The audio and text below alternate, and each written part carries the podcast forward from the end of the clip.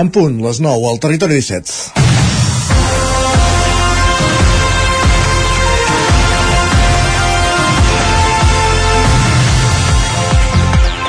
El Parlament va tombar ahir l'esmena a la totalitat de PP i Vox. Sí, sí, PP i Vox, aquests són els aliats contra la proposició de llei per abolir les modalitats de correbous considerades més agressives amb els animals, els bous embolats, capllaçats i el mar, presentada pels comuns i la CUP. El paper més galdós en aquest cas va tornar a ser el dels grups majoritaris, Esquerra, Junts i PSC, que van donar llibertat de vot i la majoria dels diputats es van abstenir. Ara la proposició de llei segueix el seu curs i cal veure si a l'hora de la veritat tenen un posicionament més clar. Poca esperança ha veient la compareixença la setmana passada d'entitats taurines de les comarques de l'Ebre al costat d'alguns alcaldes de tots els colors polítics acusant els promotors de la llei d'urbanites i de no tenir en compte el territori. No tot s'hi val en nom de la tradició. I de vegades sí, ho hem defensat en el cas de Ripoll i ho defensem també en aquest afer. Si la tradició empara situacions de maltractament dels animals o imatges poc edificants, per molta economia que hi hagi en joc rere la tradició, perquè al final parlem d'això, potser han de venir de fora, urbanites o no urbanites, a fer-te obrir els ulls. I els partits del paper galdós, els mateixos que van votar contra la tauromàquia però no es van atrevir amb els correbous per un grapat de vots, que aprofitin ara la vinentesa, que per les properes eleccions municipals hi ha tot un mandat de marge. Temps per demostrar que són capaços de tirar endavant projectes i no quedar ancorats en celebracions d'altres temps. És dijous 26 d'octubre de 2023, un dijous, per cert, amb una nova incidència a la línia del tren, lluny del tall del Vallès, perquè una avaria a la catenària entre Ribes de Freser i Planoles, al Ripollès, ha obligat a aturar un tren amb 14 viatgers a les 7 del matí i mentre es resol s'ha habilitat transport alternatiu per carretera. Comença el territori 17 a la sintonia de Ràdio Cardedeu, una codinenca, la veu de Sant Joan, Ràdio Vic, el 9 FM i també ens podeu veure, ja ho sabeu, a través de Twitch, YouTube, Televisió de Cardedeu, el 9 TV i la xarxa més.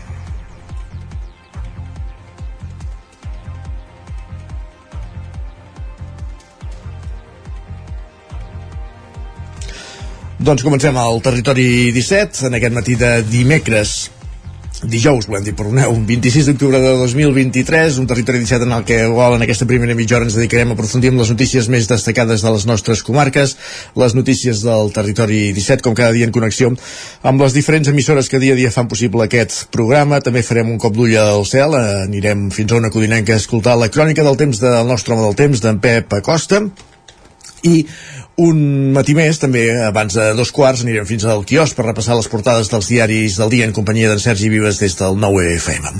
A partir de dos quarts, moment de pujar al tren, a la trenc d'Alba, amb l'Isaac Muntades recollint les cròniques dels oferts usuaris de la línia de tren Barcelona-Granollers-Vic, Ripoll-Puigcerdà, afectada, com dèiem, aquests dies per una per, pel tall al Vallès Oriental, pel tall per les obres de desdoblament, però on aquest matí, com dèiem fa uns moments, hi ha hagut una incidència a la catenària entre les estacions de Ribes i Planoles al Ripollès i els tècnics d'Adif estan treballant per, per resoldre-ho.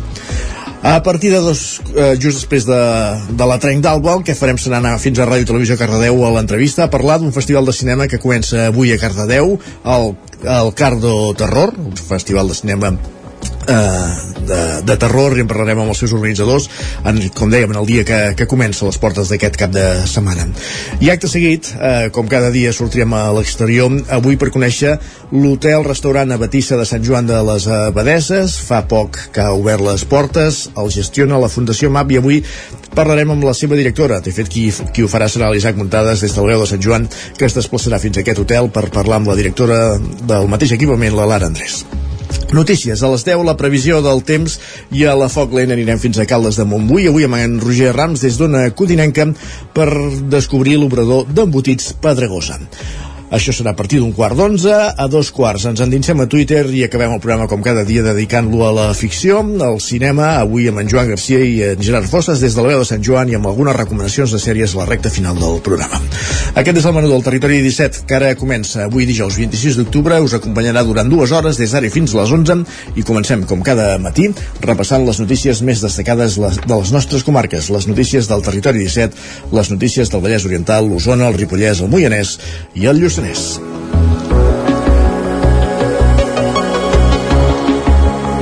I us expliquem a aquesta hora que l'oposició de Ripoll acusa el govern d'Aliança Catalana de trencar la convivència per les baralles protagonitzades per l'entorn de l'alcaldessa en els darrers mesos. Isaac Muntades, la veu de Sant Joan. L'oposició en bloc de Ripoll, formada per Junts, Esquerra Republicana, el PSC, l'Alternativa per Ripoll CUP i Som i Ripoll, va emetre un comunicat conjunt aquest dimecres al migdia per alertar, segons deien, del trencament de la convivència al municipi a causa de la confrontació impulsada per Aliança Catalana i les baralles protagonitzades per l'entorn de l'alcaldessa Sílvia Oriol Oriols en els darrers tres mesos. Recordem que fa pocs dies el marit de l'alcaldessa va ser agredit mentre caminava amb ella pel carrer al centre de la vila i la mateixa alcaldessa va rebre una empenta del presumpte agressor. Els cinc partits polítics de l'oposició de Ripollès es van mostrar molt preocupats per l'augment de crispació i la ràbia que perceben entre la població i atribueixen la situació al govern d'Aliança, que segons ells utilitza un discurs d'odi que pot conduir a una situació de violència i discriminació. Asseguren que no són aliens al canvi sociològic que ha patit Ripoll en els darrers anys, però que aquesta nova realitat s'ha de treballar i evitar confrontar-la. Per aquests partits, el discurs de la confrontació, l'acusació en les xarxes socials, les tertúlies en grups reduïts presidides pel ressentiment i la ràbia no es poden tolerar. També apunten ser conscients de les injustícies que provoca la llei d'immigració a l'hora que comparteixen la tolerància zero amb la delinqüència i és per això que creuen que s'ha de dir la veritat a la ciutadania i no a mitges. Li recorden a Oriols que des de l'Ajuntament no es poden canviar les lleis, no es pot escollir la condemna que imposarà un jutge a un delinqüent i no es poden controlar determinades accions que fa el govern. No consideren que el poble estigui en decadència ni que sigui perillós i que malgrat que Ripoll va viure de primera mà els atemptats del 17 d'agost del 2017 es va garantir una bona convivència, tot i que hi havia una gran indignació i malestar social. Per tot el que es va exposar, els partits de l'oposició van dir que calia defensar la identitat, la cultura i la llengua catalana des d'un vessant constructiu, acabar amb els somriures tímids i sorneguers i el victimisme, a més d'evitar la propagació de l'odi. Per uns moments, ahir a la tarda, alguns membres d'Aliança Catalana ja donaven per fet que l'oposició s'aliaria per fer-los fora de l'alcaldia amb una moció de censura. La mateixa alcaldessa ironitzava des de la xarxa social X que la seva victòria havia causat més trasbals d'impacte que els atemptats. Per ara, els diversos partits de l'oposició no han comunicat que tinguin intenció d'activar aquest procediment. Més qüestions, anem cap a Osona perquè Vic tindrà una macroàrea per a camions que podrà vestir vehicles amb gas. La impulsa el grup Molís, nascut a Manlleu, i obrirà a finals d'any en una superfície de 12.000 metres quadrats a l'entrada del polígon de les Casases i del, del polígon de les Mallales a tocar de l'accés est de l'eix transversal. Sergi Vives, el 9FM. Un projecte ambiciós que comptarà amb un aparcament per a 40 vehicles de gran tonatge, serveis per a transportistes, dues gasolineres, una per camions i una altra per turismes i la principal aposta del nou complex, una gasolinera. Ho explica el responsable d'Energies Renovables del grup Molist, Bernat Vidal. Uh, en principi serà la primera que hi ha en tota la comarca. Realment, uh, en principi, des de venint, entrant, diguem-ne, per la Junquera i fins a, des de Figueres fins travessant per la C25 cap a Lleida no hi ha res. Anant cap al sur ja ens anem d'anar cap a baix al Vallès i Sabadell. Per tant aquí no hi ha cap, cap aposta encara pel gas natural. Jo sempre dic en altres foros de, de temes de qualitat de l'aire i això, el gas natural ara de moment serà origen fòssil, però pot, com la llum pot ser verda, doncs aquí es pot certificar també una, una certificació que diu que és d'origen renovable. Eh? Per tant, després, quan aquí a la planta ja tinguem plantes de biometà, de biogàs, que faran el metà pròpiament fet en aquí, doncs el podrem posar en les instal·lacions. Serà la cirereta d'una superfície de gairebé 12.000 metres quadrats, molt enfocada al transport internacional, però també els, tra els transportistes de la comarca que no tinguin un espai on estacionar el camió quan no estan de servei. Una zona que comptarà amb serveis de dutxa, lavabo i màquines de vending, tot automatitzat. L'objectiu és també, segons Vidal, descongestionar el trànsit de camions en altres zones de la ciutat un pàrquing doncs, d'unes 40 places en el qual hi haurà tot tipus de, de situacions. Des de la gent que passarà per aquí haurà de dormir allà dintre eh, gent que voldrà quedar doncs, com a pupilatge voldran tenir la seva pròpia plaça i estem contemplant diferents possibilitats. Això evidentment traurà molt camió del centre de, de Vic el grup Molís va començar sent una petita empresa de venda i distribució de carbó i ara afegeixen el gas natural vehicular a la seva oferta de combustibles. Compten amb gasolineres de la franquícia Shell a Vic, Sant Pere de Torelló, Granollers, La Garriga i Mataró i ara fan l'aposta per aquesta àrea de transportistes. La plataforma de ciència ciutadana Mosquito Alert ha detectat la presència del mosquit tigre a quatre municipis catalans més aquest 2023, entre ells Sant Quirze de Besora, Osona. La resposta de la ciutadania preocupada per aquesta Aquesta problemàtica s'ha traduït en poc més de 3 mesos en la recopilació de més de 10.000 informes amb imatges de mosquits i 17.900 notificacions de picades en el conjunt de l'Estat, que és l'àmbit d'actuació d'aquesta plataforma.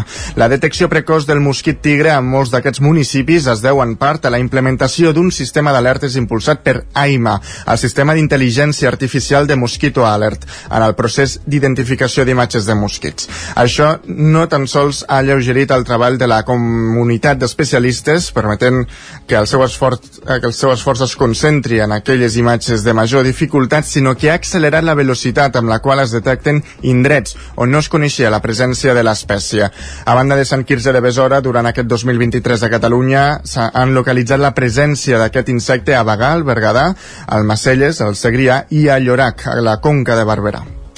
Més qüestions, l'Ajuntament de Taradell i la Mancomunitat La Plana han repartit prop de 1.200 cubells xipats, 600 d'orgànic i 600 per treure els materials reciclables i el rebuig a les urbanitzacions i les zones industrials de Taradell.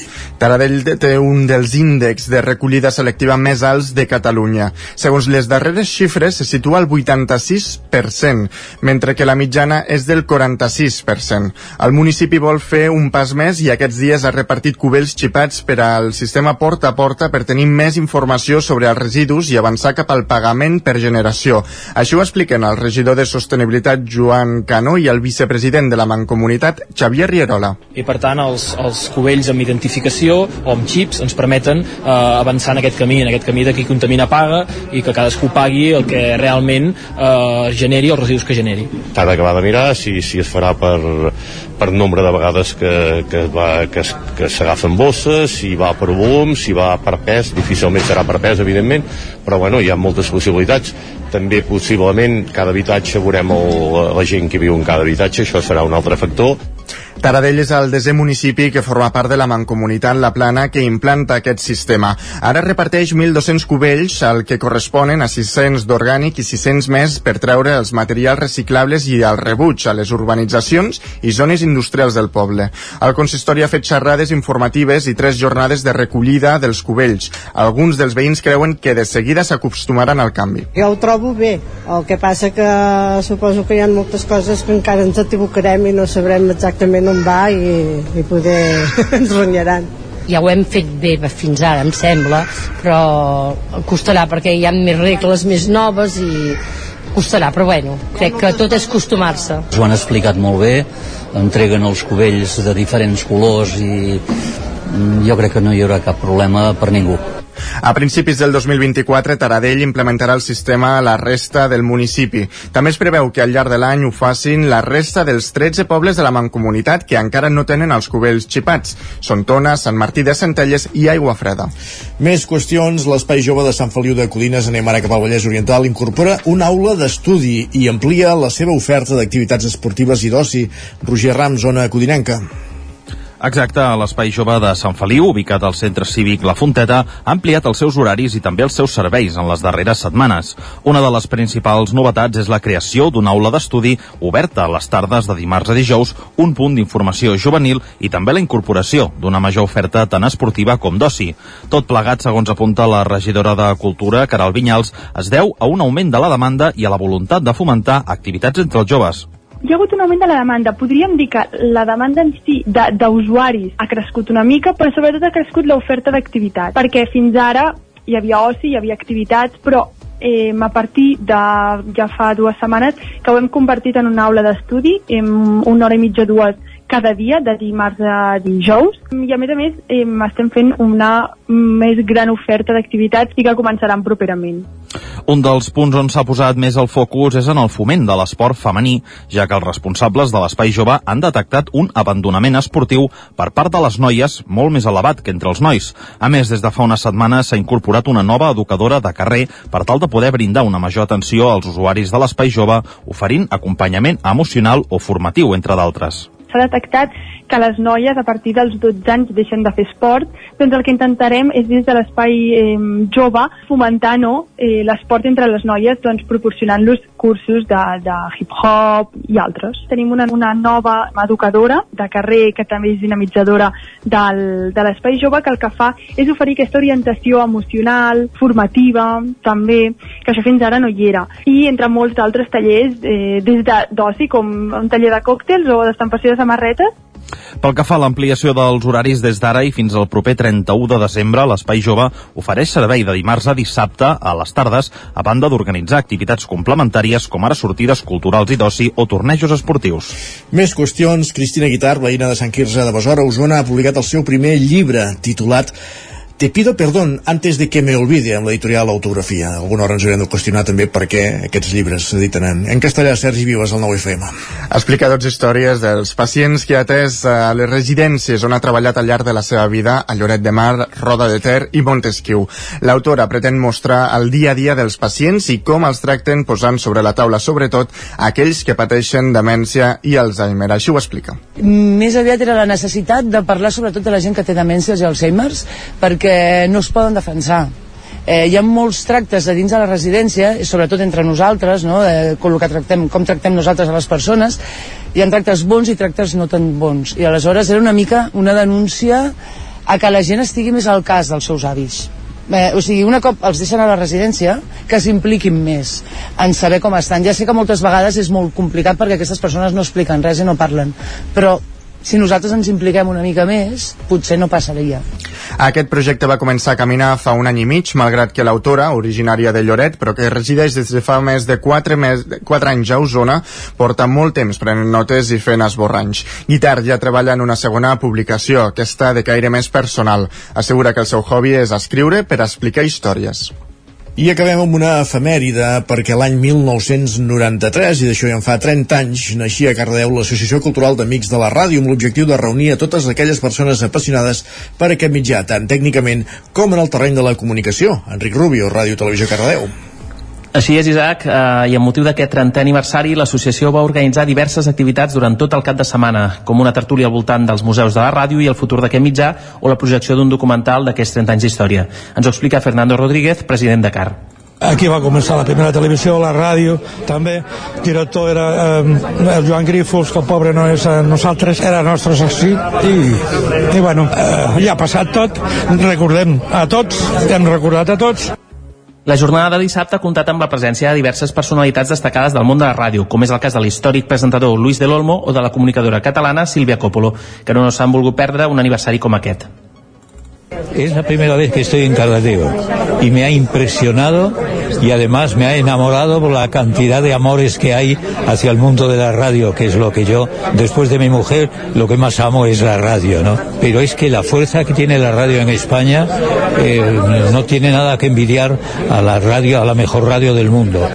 Cardedeu és la meva família, Cardedeu és el món dels efectes.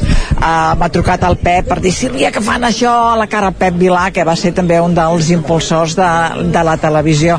De fet, jo em vaig atrevir a posar-me davant d'una càmera a, a Cardedeu pensant, i aquest objectiu em mira, no em mira, què faig amb aquest micròfon? Durant l'acte, els presentadors de Ràdio Televisió Cardedeu, Luis Benzal i Ariadna Carreño, van lliurar fins a 40 plaques commemoratives en nom de l'associació, i aquesta casa ha estat una de les guardinades. Ens ho explica i valora Àlex Ferrer, president de Ràdio Televisió Rebem aquesta, aquesta menció honorífica amb molta il·lusió, sobretot venint d'aquí bé, perquè és l'Associació Cultural Amics de la Ràdio, una entitat amb la qual, òbviament, estem molt propers, que, a més a més, eh, va tenir una persona vinculada, que era el Joan Grífols, molt vinculada a CAR, molt vinculada, també va ser president de Ràdio Televisió Cardedeu, i avui que doncs, que s'hagi fet aquesta menció, que també se li ha fet una al Joan, no? però a Ràdio Televisió Cardedeu, que és una entitat que ha estat sempre molt a prop d'aquesta a CAR, i que s'hagi fet, a més a més, al Teatre Esbarjo, que és el que va veure néixer Ràdio Televisió Cardedeu. Tot plegat era una sèrie d'ingredients que ho feien molt, molt especial. Els actes de celebració del 30 aniversari de CAR van continuar diumenge amb un nou mercat de ràdios antigues, on s'han pogut veure exemplars d'aquest mític aparell de principis del segle XX. Gràcies, Enric. Després de mi mujer, lo que más amo es la ràdio. Deia Luis de l'Olmo. Fantàstic. Gràcies. Fins ara. Fins ara. Acabem aquí aquest repàs informatiu que començàvem al punt de les 10, de les 9 en companyia d'Enric Rubio, Roger Rams, Sergi Vives i Isaac Muntades. És moment al territori 17 de saludar també el nostre home del temps. I l'anem a pescar a Ona Codinenca.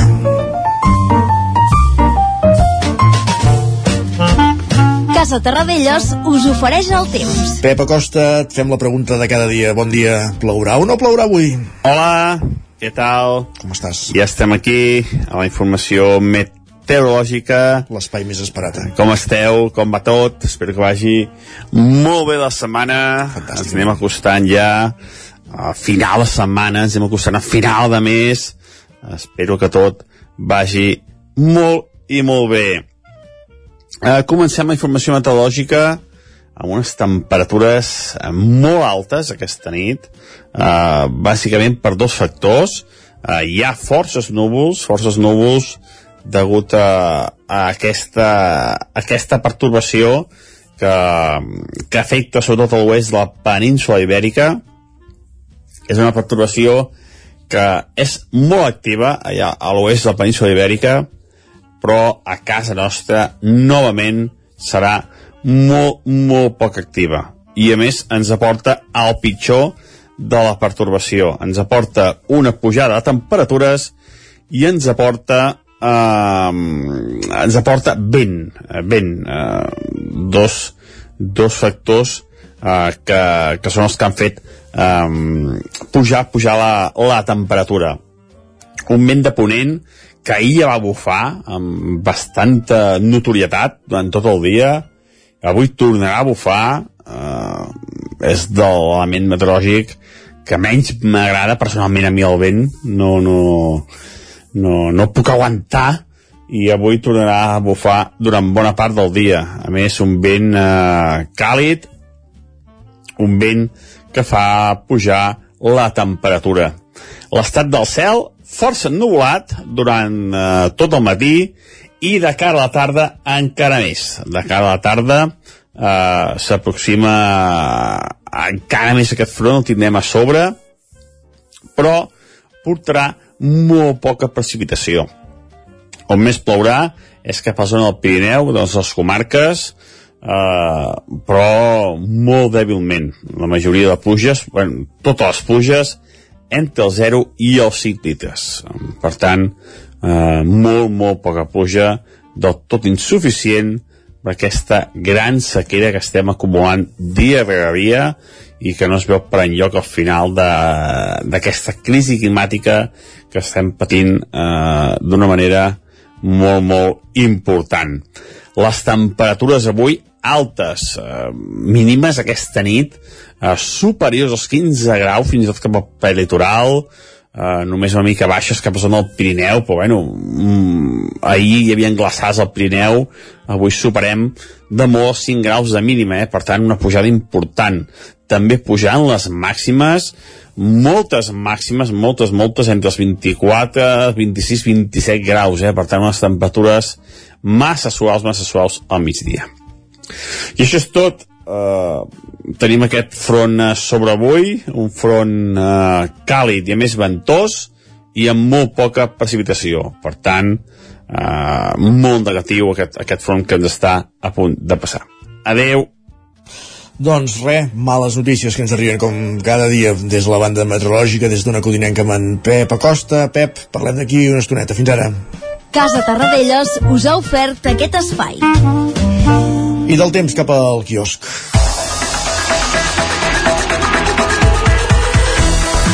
Perquè volem saber, Sergi Vives, quines són les portades dels diaris del dia d'avui dijous, 26 d'octubre de 2023. Sergi, benvingut de nou, per on comencem?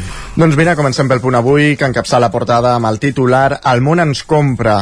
Expliquen que les expro expro exportacions catalanes creixeran un 5% aquest any i arribaran als 100.000 milions. Està bé perquè és el segon pas. Primer et miren, després et compren. El Clar. que no sabem si ens van mirar amb els ulls que esperàvem que ens miressin, però vaja, en fi.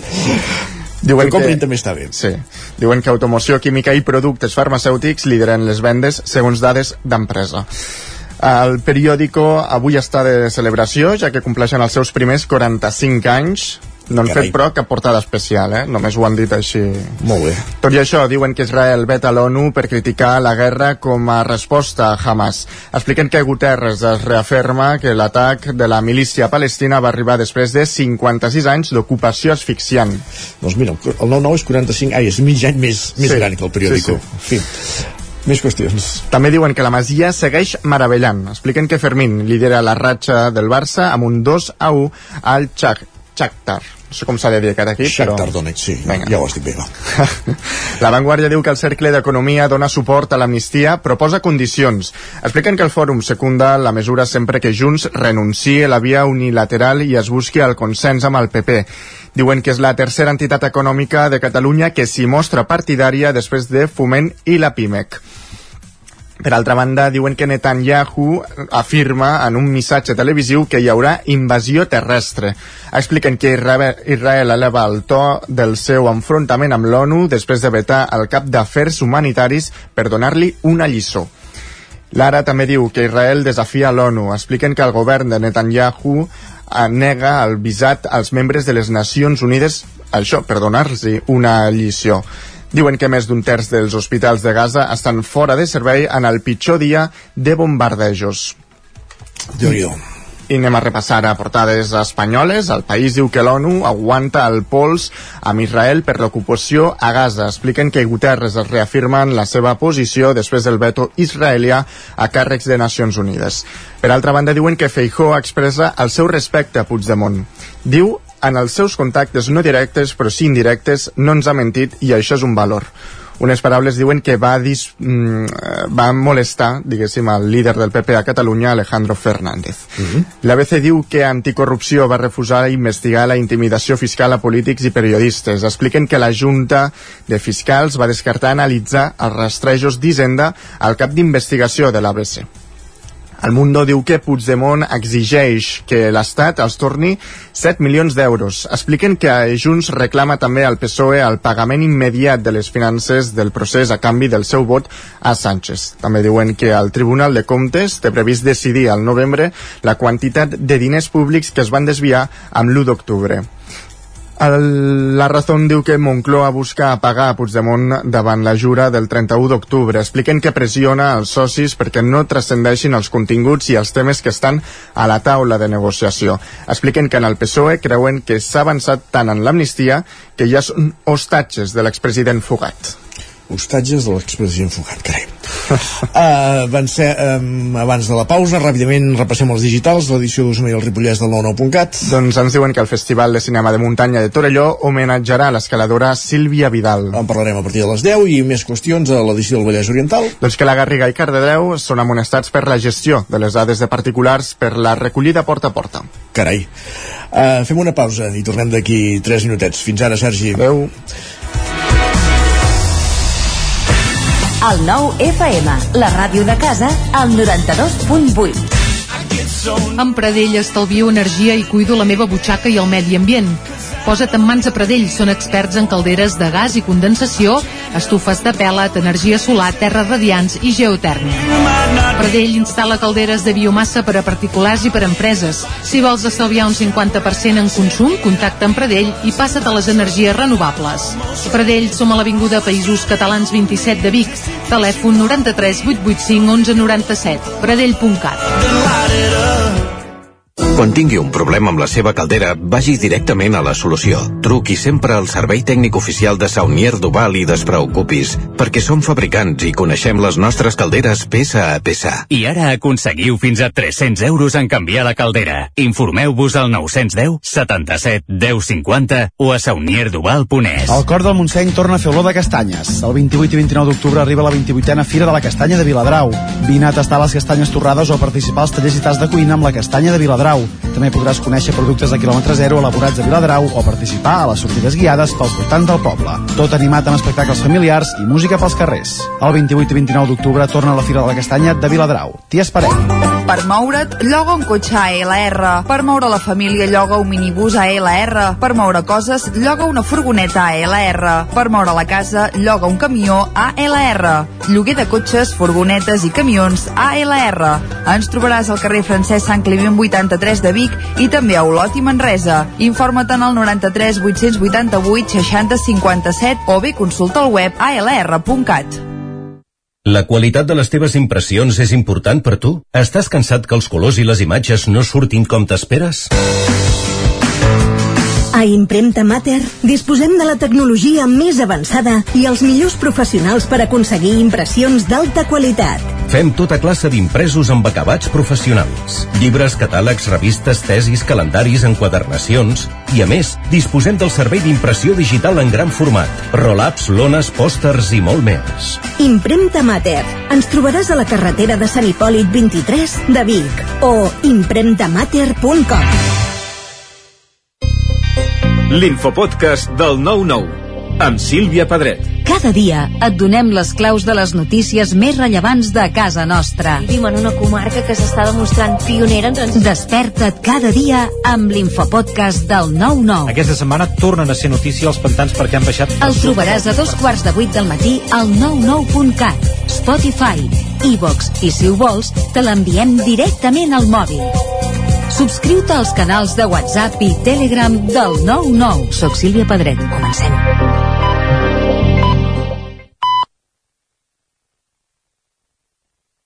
Territori 17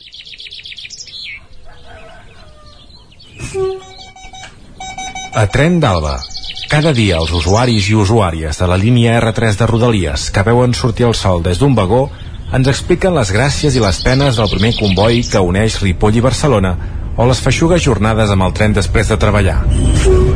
Benvinguts a Tren d'Alba, nova jornada negra a la R3 i aquest cop ha rebut el Ripollès. Quan passaven pocs minuts de les 7 del matí, la circulació de la línia R3 s'ha interromput entre Ripoll i Planoles perquè un tren ha quedat aturat a Ribes de Freser. Segons Renfe, el motiu de la incidència és que una avaria a la catenària ha deixat sense electricitat la línia, un fet que comença a ser habitual darrerament i que deixa en evidència que l'estat de les infraestructures no és gens bo. I avui, teòricament, no plou, ni neva, ni res estrany. Només fa una mica de fred, que és el que deuen haver passat els 14 viatgers que anaven a dalt del tren i que han hagut d'anar a peu per acabar d'arribar a l'estació de Ribes. La companyia ha engegat un servei alternatiu per carretera per cobrir el tram afectat entre Ripoll i Planoles. Un dels primers a reaccionar ha estat l'alcalde de Candavant, l'Oriol Lázaro, que des de la xarxa social X s'ha mostrat indignat dient que es trobaven amb una altra avaria i que la sensació de presa de pèl era enorme. Recordava que era cert que s'estaven fent obres a la R3, però també es demanava com es podia combatre el desdoblament a les zones rurals si passaven aquests fets. En fi, aposteu a la ruleta de la desgràcia de la R3 amb quina incidència ens trobarem demà. Va, ens retrobem dilluns amb més històries del tren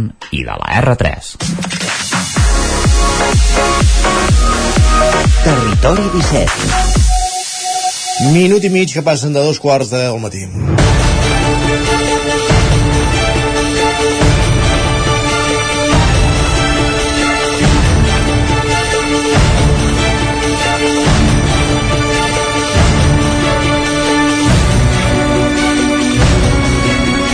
Aquesta setmana Cardedeu se submergeix en el terror, però és quelcom que tots els veïns esperen any re, un any rere l'altre, i és que arriba una nova edició del Cardo Terror, que se celebra aquest cap de setmana, que comença avui dijous. Enric Rubio, Ràdio Televisió Cardedeu, bon dia. Hola, bon dia, Isaac, què tal, de nou? Bon dia. Bé, esperant, Doncs expectant, mira. expectant a veure què ens depara avui el Cardo, a partir d'avui el Cardo Terror. Expectants, esperem, esperem no fer massa poder en l'entrevista.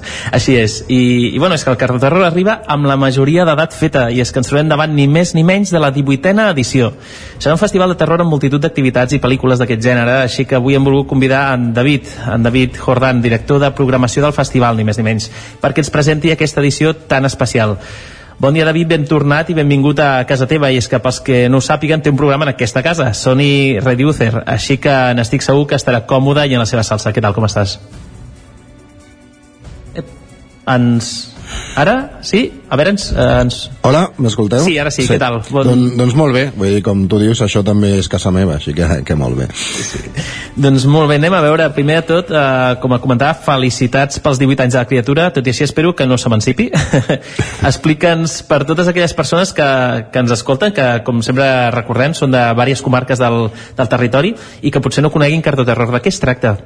Bueno, Cardo Terror és un festival de cinema de terror que va començar mm, fa 18 anys sense ànim de, de continuïtat però bueno, a poc a poc ens vam anar engrescant i va anar creixent la cosa eh, i amb els anys doncs, s'ha fet una activitat mm, que jo crec una mica destacada dins de lo que és el teixit cultural de, de Cardedeu perquè ha passat de ser un festival de pel·lícules de terror, perquè el terror és un gènere que no agrada especialment a molta gent, però a qui, a qui ens agrada, som molt apassionats, i hem anat donant un gir a que sigui també una cosa que faci poble i una cosa on tothom tingui tingui el, el seu espai, una cosa de familiar, per, per dir-ho així.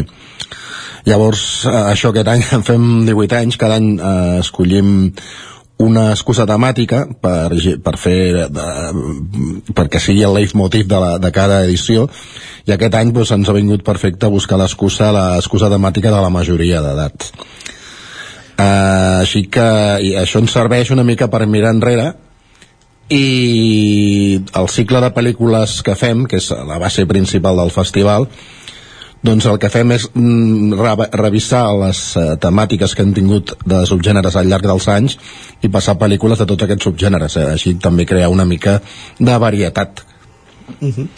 Hem vist que la programació va carregada, eh, és plena, hi ha moltes activitats. És una de les edicions més completes que, que heu fet?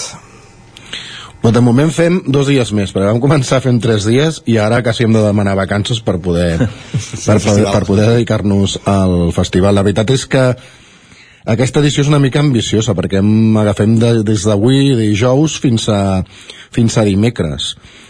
Eh, fem més pel·lícules, evidentment, també doncs, doncs fem més activitats no, per omplir.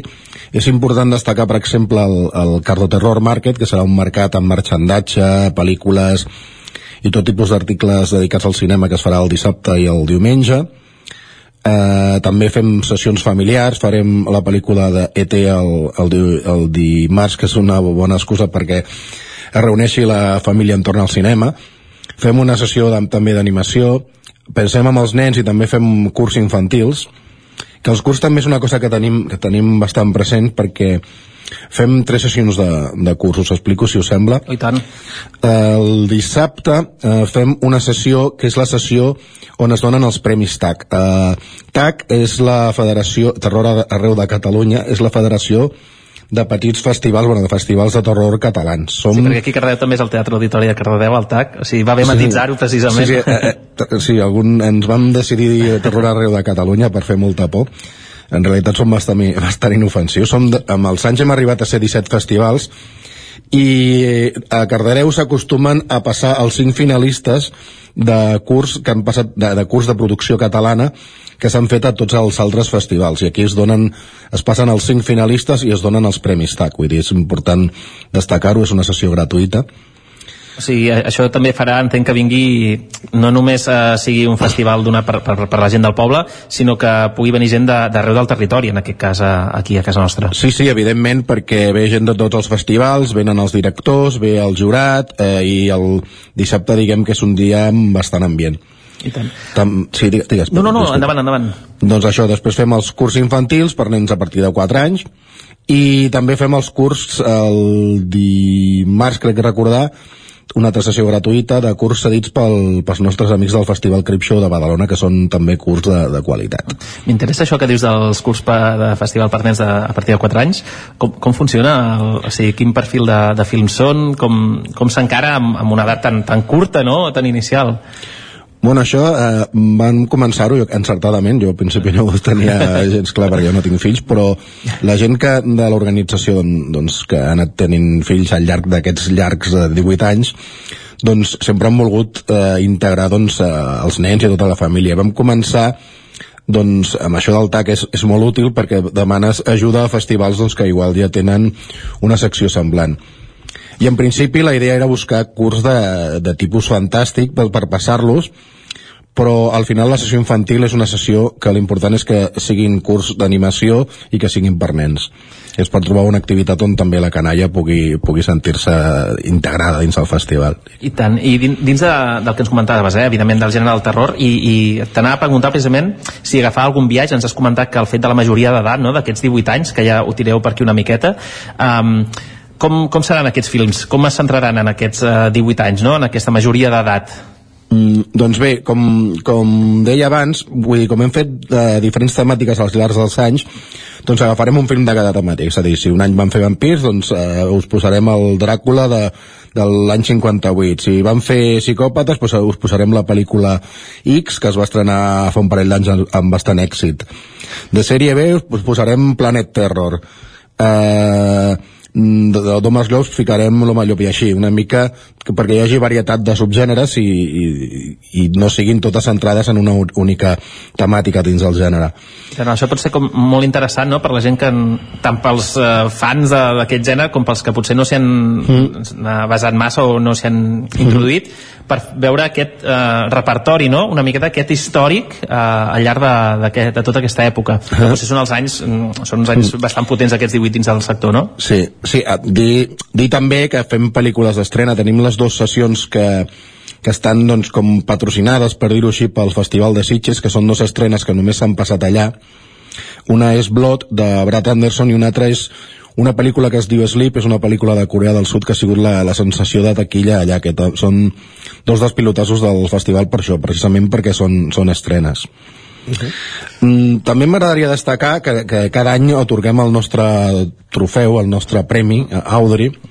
Aquest any tindrem a la actriu, presentadora i cantant Sílvia Tortosa, Mira. que li farem un, un homenatge, li, li passarem una pel·lícula, Les garres de l'Oreder. Ella no, no va participar gaire en pel·lícules de terror, però sí que va fer dos o tres, i amb això ens hem agafat doncs, també per poder-la portar i fer-li fer, -li, un homenatge. I tant, I tant que sí. I també tenim un altre director i productor que no podrà venir perquè viu a Los Angeles i evidentment nosaltres no tenim pressupost, però que farem una, li hem enviat el nostre trofeu i també farem una trobada virtual amb ell i ell contestarà les nostres preguntes. Uh mhm. -huh. David, eh, abans hem repassat àmpliament tot el que és la, la programació del, Cardo Terror. M'agradaria saber, d'una banda, quina acollida, quin impacte té dins del mateix Cardedeu i, i més enllà, és a dir, clar, la, la, els, fa, els fans del gènere venen de, de Sitges ara, que es va acabar fa 15 dies, eh, i ara tenen aquesta altra cita vull dir que suposo que aquest tipus de, de públic de, de fora de, de Cardedeu també el capteu, no, diguéssim?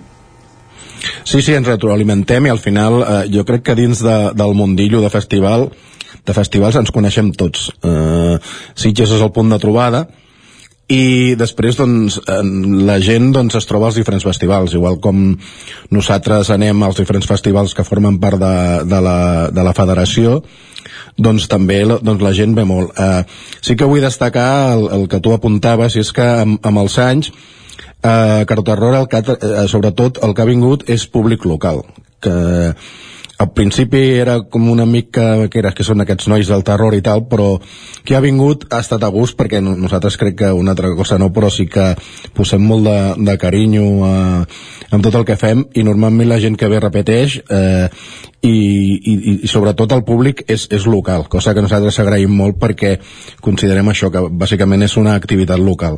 I tant. Uh, I et volia preguntar amb això que comentes precisament, aquesta part més propera, com, com organitzeu barra enfoqueu el festival i com la gent um, s'hi vincula, és a dir, com agafarà entrades, com seguirà l'agenda, per als que ens estiguin escoltant doncs no, no perdre res una miqueta.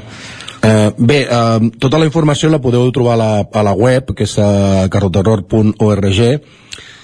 També a les xarxes som molt actius, Instagram, Facebook, X, podreu trobar tota la programació i les entrades es poden trobar enllaçades a la nostra web o a, a Intràpolis, em sembla que és. Correcte. Fantàstic. Llavors, eh, recomaneu, és a dir, ha, evidentment les pel·lícules en talls d'edat, eh, totes són per adults potser les més eh, bèsties en aquest cas o fora de, a part dels curs aquests de partir de 4 anys hi ha un, un, tot un seguit de, o majoritàriament les pel·lícules pot ser per tota la família m'explico?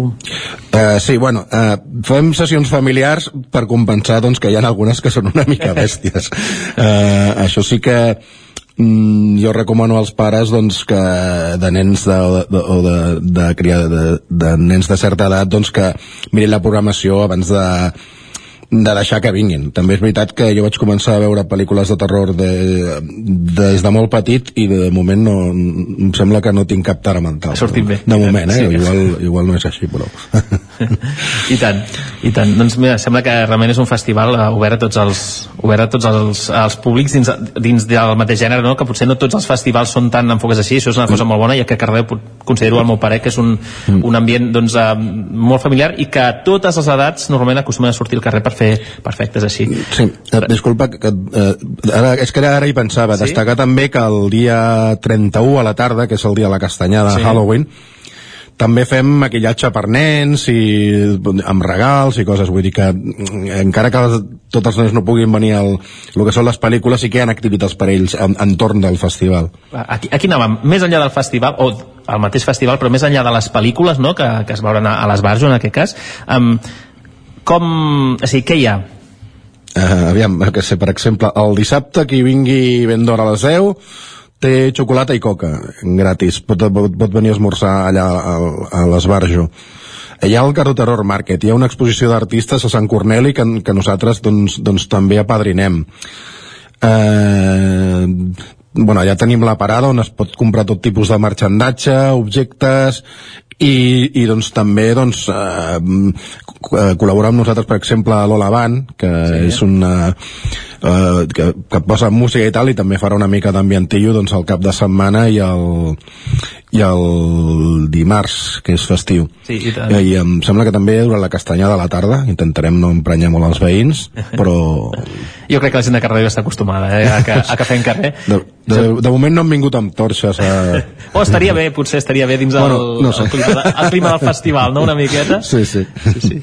bé, jo crec que home, ens podem quedar en això que ens comentes no? de que ningú es pensi que és per un perfil de públic molt concret sinó que és obert absolutament a tothom i no només obert sinó que tothom s'hi pot sentir intervàtic s'hi sentirà, sentirà a gust en aquest cas que com ho veus Isaac, ens vens a veure aquest cap de setmana o què? Mirarem de fer un forat a l'agenda que està poc plena, no? Exacte. Moltes gràcies, David, moltes gràcies a Enric, una gràcies. dia més, i que vagi molt bé aquest festival que ara comença. Moltes gràcies. Fins ara, gràcies. Fins ara. Nosaltres avancem al territori 17, ens n'anem cap al Ripollès.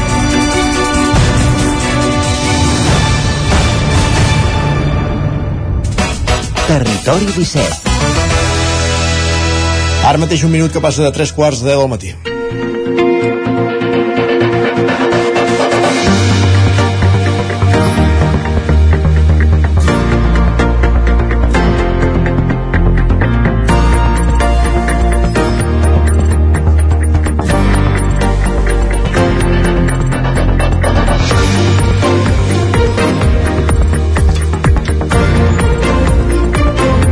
Com dèiem a l'inici del programa, ha obert a Sant Joan de les Abadesses l'hotel-restaurant Abatissa, situat a la casa de l'ermita de Sant Antoni. Uh, L'edifici és propietat de l'Ajuntament, però està gestionat per la Fundació MAP de Ripoll, que s'encarrega de la reinserció sociolaboral a la comarca de les persones amb discapacitat o en situació de vulnerabilitat. Avui l'Isaac Montada s'ha desplaçat fins a aquest espai per conèixer-la en detall i està acompanyat de la, de la seva directora. Isaac Montada, de Sant Joan, benvinguts, bon dia.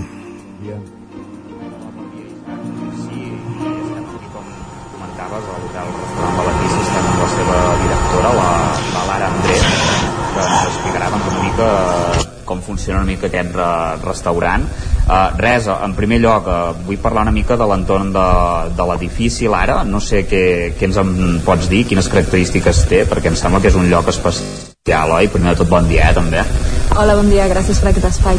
Doncs sí, és un edifici que és molt emblemàtic per, per Sant Joan de les Abadeses, és l'antiga casa ermita de Sant Antoni, avui li diem la Batissa, però és la casa que tothom coneix com Sant Antoni, i sí que hi ha alguns canvis que s'han fet hem mantingut la, la casa com a tal del segle X però s'han fet ampliacions, s'han fet ampliacions per darrere, que això a més és molt xulo perquè quan la gent puja veu la casa tal com era, amb l'ermita al costat, la torre, però a mesura que es va acostant i entra dintre l'edifici doncs veu que, que és molt més gran, que està ampliat. Hem ampliat tant per darrere, amb una sala d'esdeveniments, com per dalt, amb un parell de plantes i habitacions. No, sé si ens sents, Isaac. No, no et sentim ara. Continua, continua, Isaac. Continua, continua, Isaac.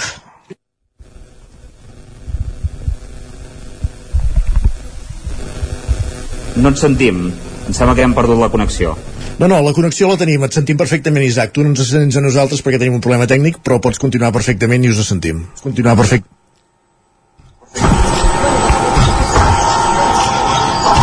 És que nosaltres també perdem una mica de connexió amb la wifi i tot plegat, que ens va molt bé perquè així la gent aquí té a desconnectar i també és una, un espai doncs això, que ens transmet la pau, ens transmet natura i ens convida doncs, a passar un temps sense, sense altres inputs que tindríem amb el dia a dia. Uh, el, et volia també preguntar uh, si el restaurant uh, ja funciona, hem vist que sí, uh, que ja esteu en, en ple funcionament, no sé quins horaris uh, feu, quins dies obriu, ara també ho, ho parlàvem abans, quants treballadors teniu, perquè hi teniu uns quants treballadors aquí, i sobretot quina ha estat la rebuda del públic, no sé si ve molta gent, si teniu moltes reserves. Doncs a nivell d'horaris comencem, fem només migdia eh, i fem des de dijous fins a diumenge la rebuda de la gent ha sigut fantàstica, de fet pues, estem superagraïts bueno, de tot el Ripollès, però especialment del poble de Sant Joan, que ens ha recolzat des del moment zero amb el projecte i que s'estan encarregant de que cada dia tinguem feina. I el que oferim això també, que és una mica diferent al que fan altres llocs, és que nosaltres treballem amb menús. I ho fem així perquè també és una proposta formativa des de, des de part de cuina que ens ajuda molt més. Per una banda a ensenyar a la gent de cuina i per una altra també doncs, tenim aquest valor més ecològic que et permet doncs, no tirar tant menjar i sempre poder tenir una previsió. Uh, en canvi ara l'hotel per ara sembla que no, no està obert, oi? Uh, no sé quan l'obrireu, que, quantes habitacions teniu i, i quines característiques, perquè em sembla que també n'hi ha alguna d'especial, de, eh, d'habitació. Doncs sobre l'obertura de l'hotel encara no ho tenim clar. Sempre esperem que sigui quan abans millor perquè tot està a punt, tot està preparat pel dia que ens diguin ok, aquest és l'últim número per poder registrar, fer el registre i ja podem tirar endavant. I sí, tenim una habitació que per nosaltres és molt especial, també com ja has comentat abans, nosaltres formem part d'un projecte de Fundació MAP, on treballem en aquest cas amb persones en situació de vulnerabilitat, però com ja sabeu molts de vosaltres, la Fundació MAP treballa amb discapacitat i ja parlant d'una discapacitat física i tenim una habitació que és totalment adaptada. Que una habitació sigui totalment adaptada, en aquest cas ens estem referint doncs, que té una grua de sostre, o sigui, imagineu-vos una persona que va amb cadira de rodes i que no es pot moure, doncs té una grua de sostre que es pot moure tranquil·lament a la seva habitació, sempre amb ajuda, amb els, amb els llits articulats, eh, està totalment domotitzada, eh, vol dir que amb un botó pot obrir persianes, pot obrir la tele, tancar el llum, obrir la porta, i el lavabo doncs, també està totalment adaptat per poder fer una dutxa amb una cadira de rodes i que tot funcioni bueno, és una mica això, eh? també és un restaurant inclusiu, no? també perquè recordem que això està gestionat per la Fundació MAP, per tant també vol ser una mica això, aquest, uh, aquesta casa ermita de Sant Antoni, el restaurant a Batissa, amb, amb el seu hotel, no? també. Exacte, tot, he, tot hem intentat que sigui el màxim d'inclusiu possible. Abans em preguntaves quantes habitacions tenim. Tenim 14 habitacions, comptant aquesta adaptada, i un apartament i el, tant a, la, a totes les parts de, de l'hotel pots, pots accedir de forma fàcil. O sigui, si vas amb cadira de rodes doncs tenim les rampes que sempre per si anessis al restaurant doncs entraries per la recepció de l'hotel. A les habitacions es pot pujar amb, amb l'ascensor i tots els espais doncs, intentem que tinguin un mínim d'un metre de distància perquè es pugui, es pugui accedir fàcilment. El restaurant, no sé si també hi teniu eh, espais per celebrar grans esdeveniments, ara hem entrat per aquí per, per aquesta porta d'entrada. Hi ha una espècie de, de menjador, més aviat cafeteria potser en, en aquesta part, no sé si també ho teniu previst, si ja us ha reservat a, a algú, com, com està en aquest sentit? Doncs a, a nivell d'espai sí que tenim el restaurant, que és el restaurant que més o menys tothom recordarà, tot i que estava restaurants a la planta primera, nosaltres el tenim a la planta 0 i és un restaurant que funciona com a tal ens passa? Que tenim una sala d'esdeveniments al darrere, que és, té una capacitat entre 150 i 200 persones, i els caps de setmana doncs, aprofita molta gent per fer potser esdeveniments o, o simplement un dinar familiar, que hi ha molt de temps que no trobava un espai doncs, per reunir-se unes 40 persones, i aleshores ens anem directament a la sala d'esdeveniments. Eh, aquesta sala és molt, és molt diàfana perquè que ens permet tant muntar d'una manera o d'una altra a nivell de taules, podem fer una part de muntatge de taules i l'altra part doncs, per poder fer un ball. Fa molt poquet es va casar, de fet, van fer la primera, el primer casament d'una noia de Sant Joan i van fer així, una part van fer les taules, l'altra part ja van fer discoteca, bueno, discoteca, música, ball, per dir-ho d'una manera. I, i també es poden fer reunions d'empresa, tenim una tele molt gran que per fer això, les reunions o presentacions de producte, doncs és un espai que dona molt de el més important de tot és que també doneu feina a persones en situació de, de vulnerabilitat. Uh, no sé quin perfil de treballadors teniu i, i què els suposa poder fer aquesta feina. No sé si tot el, tota la plantilla també uh, forma part d'aquestes persones que estan en aquesta situació o també teniu persones doncs, que, que les contracteu diguéssim que, bueno, no vull dir la paraula normal perquè no és, la, no és, no és el cas, no? però perquè ens entenguem, eh?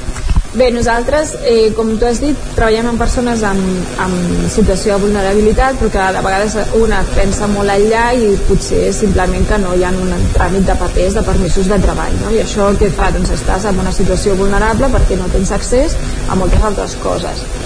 Eh, des d'aquí de, des doncs el que això seria un tipus de perfil també doncs, eh, tenim altres, altres perfils eh, i a banda tenim els professionals de suport que són els que tu diries normals però que tots, tots tenim alguna cosa en aquesta vida i que som els que eh, tenim aquestes tasques com més de responsabilitat i més d'organització. l'Anna Puixeu doncs, és cap de cuina i comparteix cuina amb quatre persones més. Després tenim el, el cap de setmana que ens ve a donar un cop de mà una altra persona que està estudiant no? o sigui que al final tots, tots tenim doncs, la nostra tasca dintre de la batissa i, i creem un, un equip que és una petita família ja. Mm -hmm per, per dir-ho bé seria que tenen una situació vital normalitzada per dir-ho d'alguna manera no? seria exacte, sí, de fet és, és la intenció del projecte algunes persones ens agradaria, tot i que després ens sabria molt greu doncs que s'haguessin format tan bé i que estiguessin tan preparades que saltessin a l'empresa ordinària.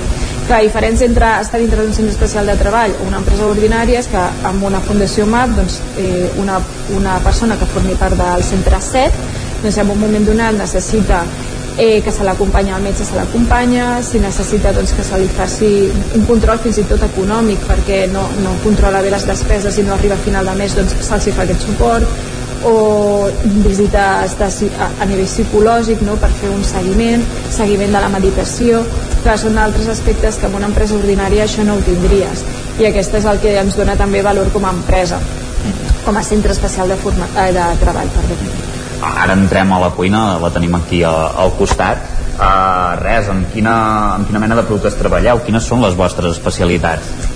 Bé, nosaltres intentem treballar amb el màxim possible amb quilòmetre zero, ja sabeu que vivim en un món globalitzat i a vegades això és molt complicat, però sí que intentem doncs, comprar el màxim possible a la comarca i a productors petits.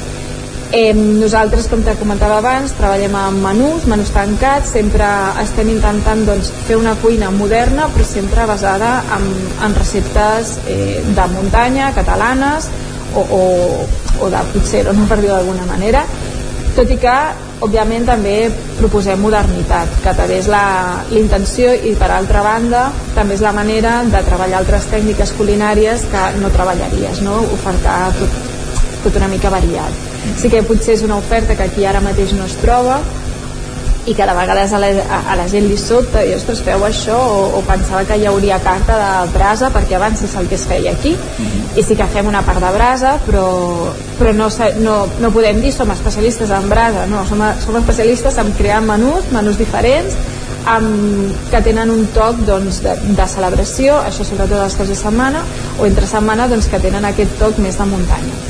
De fet és això, eh? no, hi ha, no hi ha carta, en aquest restaurant només hi ha menú. Quin és el menú del dia avui, Lara? Què, què ens fareu avui si vinguéssim a, a dinar? Doncs em sap molt greu, però no he parlat amb la cuinera i no ho sé ara mateix. Però diria que...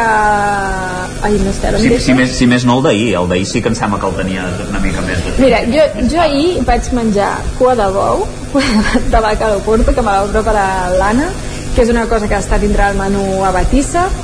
Em, també tenim entrecot que els fem a la brasa, tenim eh, eh, pollastre amb prunes, Eh, les amanides sempre intentem tenir una amanida en formatges Mové, Mové és un altre projecte de Fundació MAP, eh, que és la formatgeria, i sempre proposem una crema de, de temporada. Eh, la setmana passada, si no recordo malament, era carbassa i aquesta setmana em sembla que va cap al carbassó, però ara mateix no recordo bé. Sento.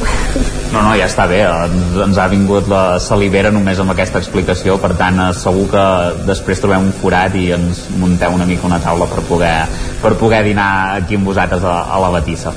Res, doncs, eh, que vagi molt bé, que vagi molt bé, eh, inauguració de, de l'hotel també quan es posi en, en funcionament. I d'això doncs avui n'hem parlat aquí al territori 17 amb la Lara Andrés que és la directora d'aquí de, del restaurant a Batissa situat a la, a la casa ermita Sant Antoni de, de Sant Joan dels Badells moltes gràcies Lara Andrés per ser avui amb nosaltres al territori 17 Moltes gràcies a vosaltres Gràcies Lara, gràcies Isaac i arribarem al punt de les 10 com ens agrada música. Demà surt el nou treball discogràfic de Paula Valls, la músic de Manlleu que reapareix després de 5 anys de silenci discogràfic i amb cançons com aquesta, començar a les 9 fins a les 10 al territori 17. Un lloc que està tot bossos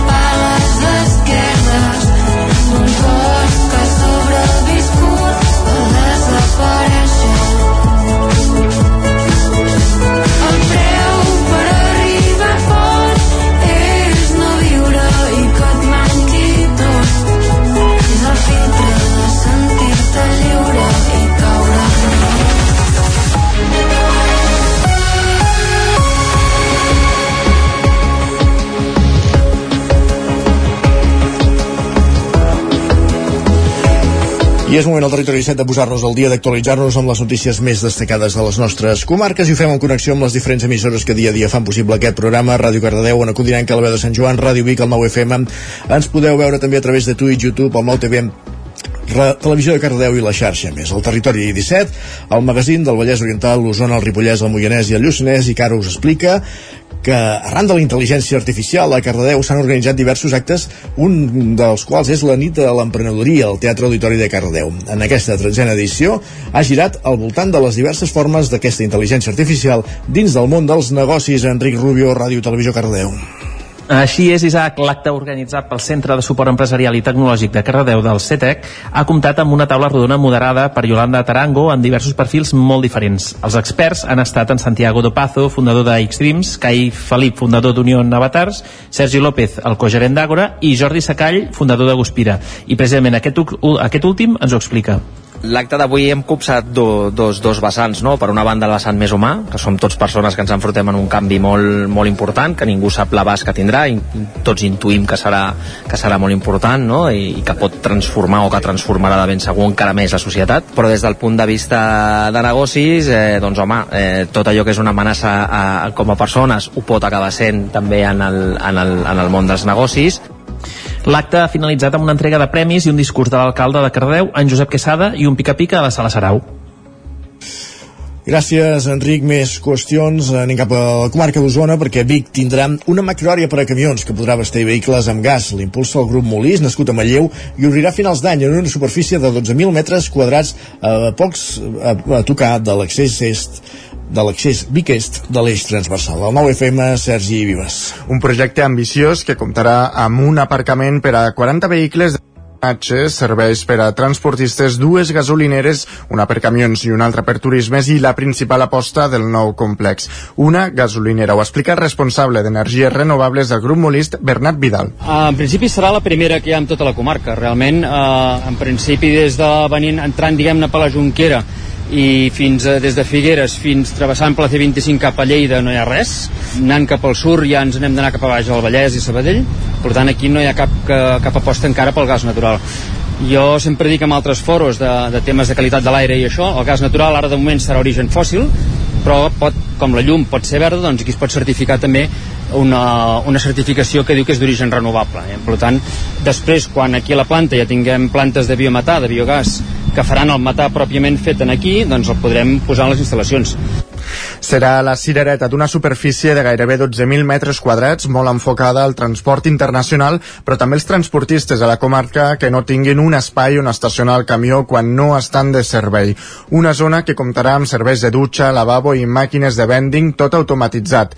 L'objectiu és, també, segons Vidal, descongestionar el trànsit de camions en altres zones de la ciutat un pàrquing doncs, d'unes 40 places en el qual hi haurà tot tipus de, de situacions. Des de la gent que passarà per aquí haurà de dormir allà dintre eh, gent que voldrà quedar doncs, com a pupilatge voldrà tenir la seva pròpia plaça i estem contemplant diferents possibilitats. Això evidentment traurà molt camió del centre de, de Vic el grup Molís va començar sent una petita empresa de venda i distribució de carbó i ara afegeixen el gas natural vehicular a la seva oferta de combustibles. Compten amb gasolineres de la franquícia Shell, Vic, Sant Pere de Torelló, Granollers, La Garriga i Mataró i ara fan l'aposta per aquesta àrea de transportistes. Més qüestions anem cap al Ripollès perquè les ordenances fiscals de Camprodon s'incrementen de mitjana un 3,5% en aplicació de l'IPC. Isaac Muntades, la veu de Sant Joan. L'Ajuntament de Camprodon va pujar les ordenances fiscals del 2024 en un 3,5% segons l'IPC. La proposta que va comptar amb els vots a favor de tots per Camprodon i l'abstenció de més Camprodon Esquerra Republicana va tirar endavant en el ple del passat dijous. Amb tot, l'alcalde socialista Xavier Guitar sí que va detallar que havien tingut dubtes sobre si era necessari incrementar la taxa de l'aigua i la de les escombraries, que pugés en funció de l'índex de preus de consum. En concret, així explicava el tema de la taxa de residus. El tema de residus, que tots els ajuntaments en aquests pròxims 15 dies, alguns ja ho han fet i alguns ho faran, els residus al, al Ripollès pujaran dels 19 pobles, possiblement pugin, eh, no m'atreviria a dir a 18, però sí que m'atreviria a dir que 15 pobles pujaran i molt i quan parlo de pujar estem parlant de pujades molt importants nosaltres una vegada més intentant retenir, intentant aguantar com hem pogut el tema dels residus intentem aguantar els 3,5 que això no vol dir que quan fem la valoració de l'any vinent ens surtin els números perquè realment els residus bé, bé sabeu eh, que, que han pujat moltíssim per un tema de costos de, de gasoll, de desplaçaments, de, de personal. Guitar sí que va dir que els habitatges d'ús turístic passarien a pagar 400 euros pels 300 que abonaven fins ara. El cap de l'oposició del republicans, Xavier Juncà, va afirmar que potser caldria castigar l'incívic que no llença les escombraries on toca i premiar el cívic. D'entrada, sobre les ordenances en general, Juncà va valorar negativament la pujada. D'entrada, un increment de IPC un 3,5% des d'un punt de vista fred i sense posar un contingut és una mala notícia. Apretar més els contribuents, els camprodons i camprodonies, en pagar més impostos al final és pagar més. Eh? Paguem més per energia, paguem més per aliments, tots estan carint no sé si tothom els seus sous es revaloritzen en aquest import, en aquest 3,5 en fi, les dificultats són importants. A més a més el problema de l'habitatge que tenim a Camprodon. La notícia no és agradable L'edil republicà va justificar l'abstenció del seu grup dient que calia esperar a veure quins pressupostos es podrien confeccionar a partir d'aquestes ordenances. També va afirmar que no li preocupava si es pagava més o menys, sinó el servei que s'oferia. A banda, va recordar que l'equip de govern havia pujat les ordenances segons l'IPC dues vegades en el darrer mandat i que la gent havia premiat la seva gestió a les urnes. Altres canvis que hi haurà a les ordenances és l'increment dels abonaments familiars i individuals de la piscina, que passen de 55 i 80 a 65 i 90 euros. La pulsera que es donava a l'entrada de la piscina pagant un euro i que retornava en marxar de l'equipament, ara passarà a costar 5 euros, que també es tornaran. El problema és que molta gent se l'enduia a casa i cada any n'havien de comprar per reabastir-les. Finalment, també destaca la bonificació d'un 20% de la factura als veïns de Font Rubí si pateixen fuita, ja que no és un consum voluntari, sinó un problema de la instal·lació. Gràcies, Isaac. Més qüestions. L'Ajuntament de l'Estany, el Moianès, recupera la jornada sobre la història i la restauració del monestir de Santa Maria, aturades des d'abans de la pandèmia. Roger Rams, zona Codinenca. L'Ajuntament de l'Estany i el Monestir de Santa Maria organitzen una nova edició del Redescobrim l'Estany. El cicle de patrimoni històric del poble es recupera aquest any la història del monestir, recordant la figura d'Albert Bastardes, l'arquitecte que va dirigir la contundent restauració de la coberta del claustre de Santa Maria de l'Estany ara fa 40 anys. Durant aquest dissabte s'hi faran diferents ponències sobre aquesta restauració. Agnès Rutger és la regidora de Cultura de l'Estany. Sí, fem unes, algunes xerrades amb arquitectes especialitzats, amb, amb, amb persones que coneixen molt, molt a fons el, el, el monestir de l'Estany i les tècniques eh, de restauració d'un element eh, romànic com és, com és el, el claustre el dia 11 de novembre, una segona sessió tractarà la història del monestir. Aprofitant que Bastardes en els estudis previs de l'obra de restauració relacionava el claustre de l'Estany amb el claustre romànic de la catedral de Vic.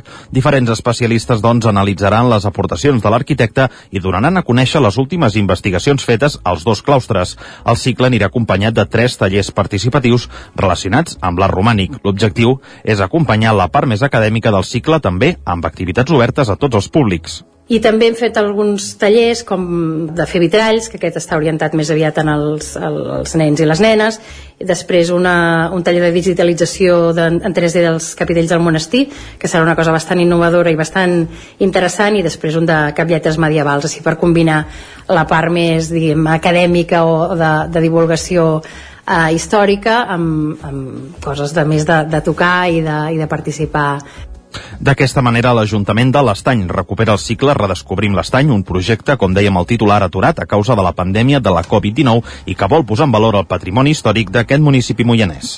La 41a edició del Festival BBVA de Cinema de Muntanya de Torelló, que tindrà lloc del 17 al 26 de novembre, recuperarà el Premi Flor de Neu d'Honor, que en aquest cas rebrà la reconeguda escaladora catalana Sílvia Vidal, Sergi Vives, al 9FM. Tot plegat serà en una edició en què l'eix central girarà entorn a Groenlàndia.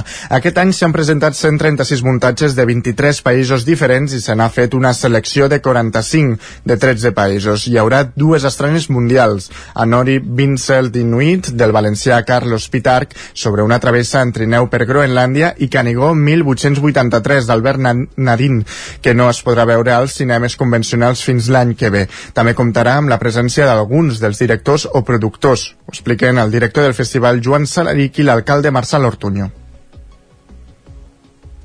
Ens trobem que els adolescents és uh, la creació de l'obra Canigó de mossèn Cinto Verdaguer i explica tot el recorregut que va fer pel Pirineu eh, per inspirar-se i escriure aquesta, la seva gran obra eh, que va portar el romanticisme català. El festival en si ja significa que Torelló estigui en el mapa, però mm, sí, a més a més doncs, és amb la visita de persones de, de tant nivell i referents no? en, en aquest món ens hi situa molt més, perquè és veritat doncs, que eh, l'impacte mediàtic eh, és molt més alt el festival també potencia les activitats paral·leles com el Torelló Mountain Wines, que arriba a la cinquena edició.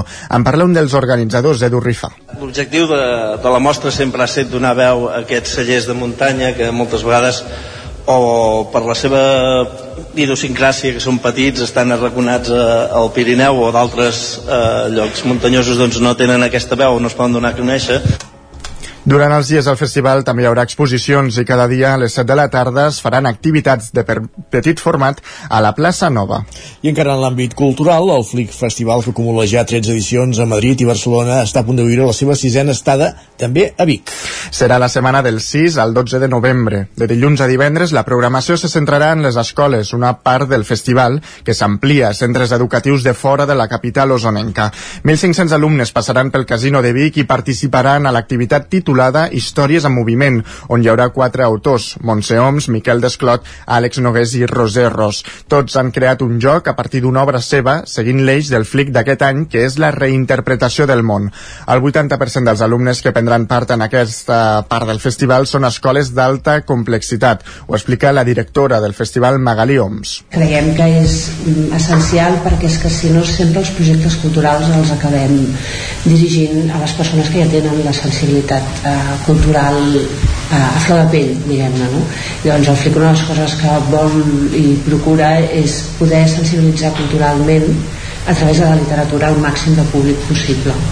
De com, de com es pot encomanar la passió pels llibres en un context de disminució de la comprensió lectora també en parlarà Anna Manso, divulgadora i mediadora de, de literatura infantil i juvenil a la conferència inaugural del FLIC el divendres 10 de novembre. L'acte es farà a l'Aula Magna de la Universitat de Vic. Ho explica el degà de la Facultat d'Educació, Eduard Ramírez. Ens trobem que els adolescents que ens arriben a la universitat difícilment porten a sota el braç el llibre el valor del llibre s'ha de recuperar, el valor social del llibre i eh, els és difícil encaixar allò que nosaltres volem que encaixi moralment no? hem d'afinar molt en els seus interessos les activitats per al públic familiar del sisè flic a Vic tindran lloc el dissabte 11 i diumenge 12 de novembre.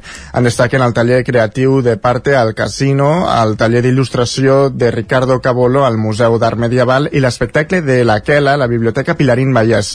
Per primera vegada també es proposen experiències literàries a peu de carrer al portal, al portal nou de la Rambla. Gràcies, Sergi. Acabem aquí aquest repàs informatiu que començàvem al punt de les 10 en companyia de Sergi Vives i Isaac Montades, Roger Rams i Enric Rubio. Moment d'anar pel temps.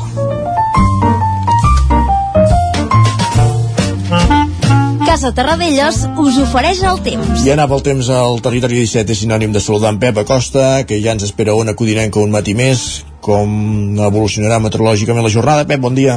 Hola, què tal? Com estàs? L'estat del cel força ennubulat durant eh, tot el matí i de cara a la tarda encara més. De cara a la tarda eh, s'aproxima encara més aquest front, el tindrem a sobre, però portarà molt poca precipitació.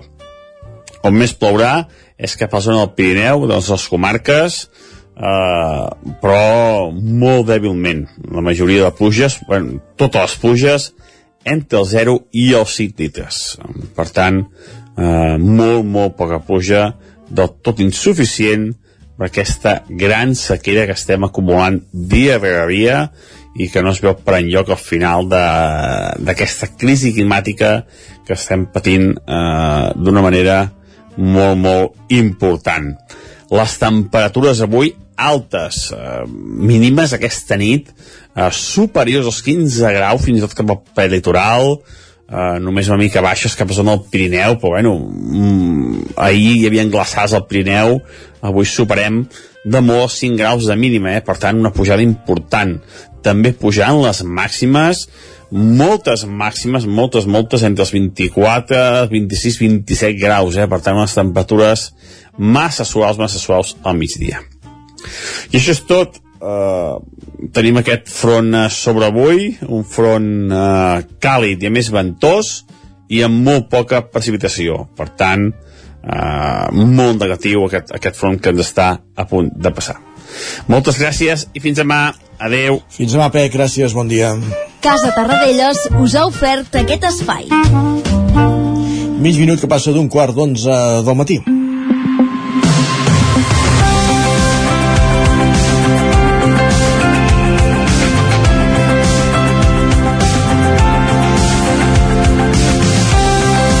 I el territori 17 és temps per la Foc Lent, l'espai que dediquem cada setmana a la cuina, a la gastronomia, al producte. Avui anem cap a Caldes de Montbui per parlar d'embotits, i és que en Roger Rams, dona codinenca, s'ha endinsat a l'obrador d'embotits Pedregosa, una empresa nascuda fa més de 100 anys, el 1916, i establerta a Caldes des d'aleshores, i que és coneguda arreu del país per la seva singular llonganissa. En Roger Rams ha conversat, com dèiem, amb l'Eva Maria Costa Freda, directora gerent d'aquesta empresa ballesana, que està en expansió arreu del planeta. Roger Rams, zona codinenca, benvingut una setmana més, bon dia. Avui estem aquí a, a Pedregosa. Som una empresa dedicada a l'elaboració d'embotits, nascuda oficialment l'any 82 aquí a Caldes de Montbui. Com, com sorgeix tot plegat? Bueno, ben bé, l'any 82 es va fer la fàbrica, però realment des del 1916 que, que l'avi va començar amb la botiga d'aquí de, del centre del poble i va començar bueno, agafant una mica de de com bueno, sí? No pateixi, sí, sí, endavant, endavant. Ja ho arreglem. Doncs eh, ell va començar el 1916 mm -hmm. agafant el... Bueno, eh, anava desfent els porcs que tenia la granja mm -hmm. i allà a la granja va... Bueno, mm, bueno, com que no hi havia neveres i tot això, doncs intentaven fer la, bueno, tots els embotits i tot això i la conservació. Eh, va començar a agafar fama la llangonissa d'aquí Caldes mm -hmm. i després els xarcuters del vol van començar a demanar-li al Francisco que si plau si li podia fer llangonisses que li sortien molt bones uh Mhm. -huh. i arrel de tot això doncs, van agafant un caire bastant fort uh Mhm. -huh. i l'any 82 va ser el fill, el Francisco, que va decidir muntar la fàbrica. Mm -hmm.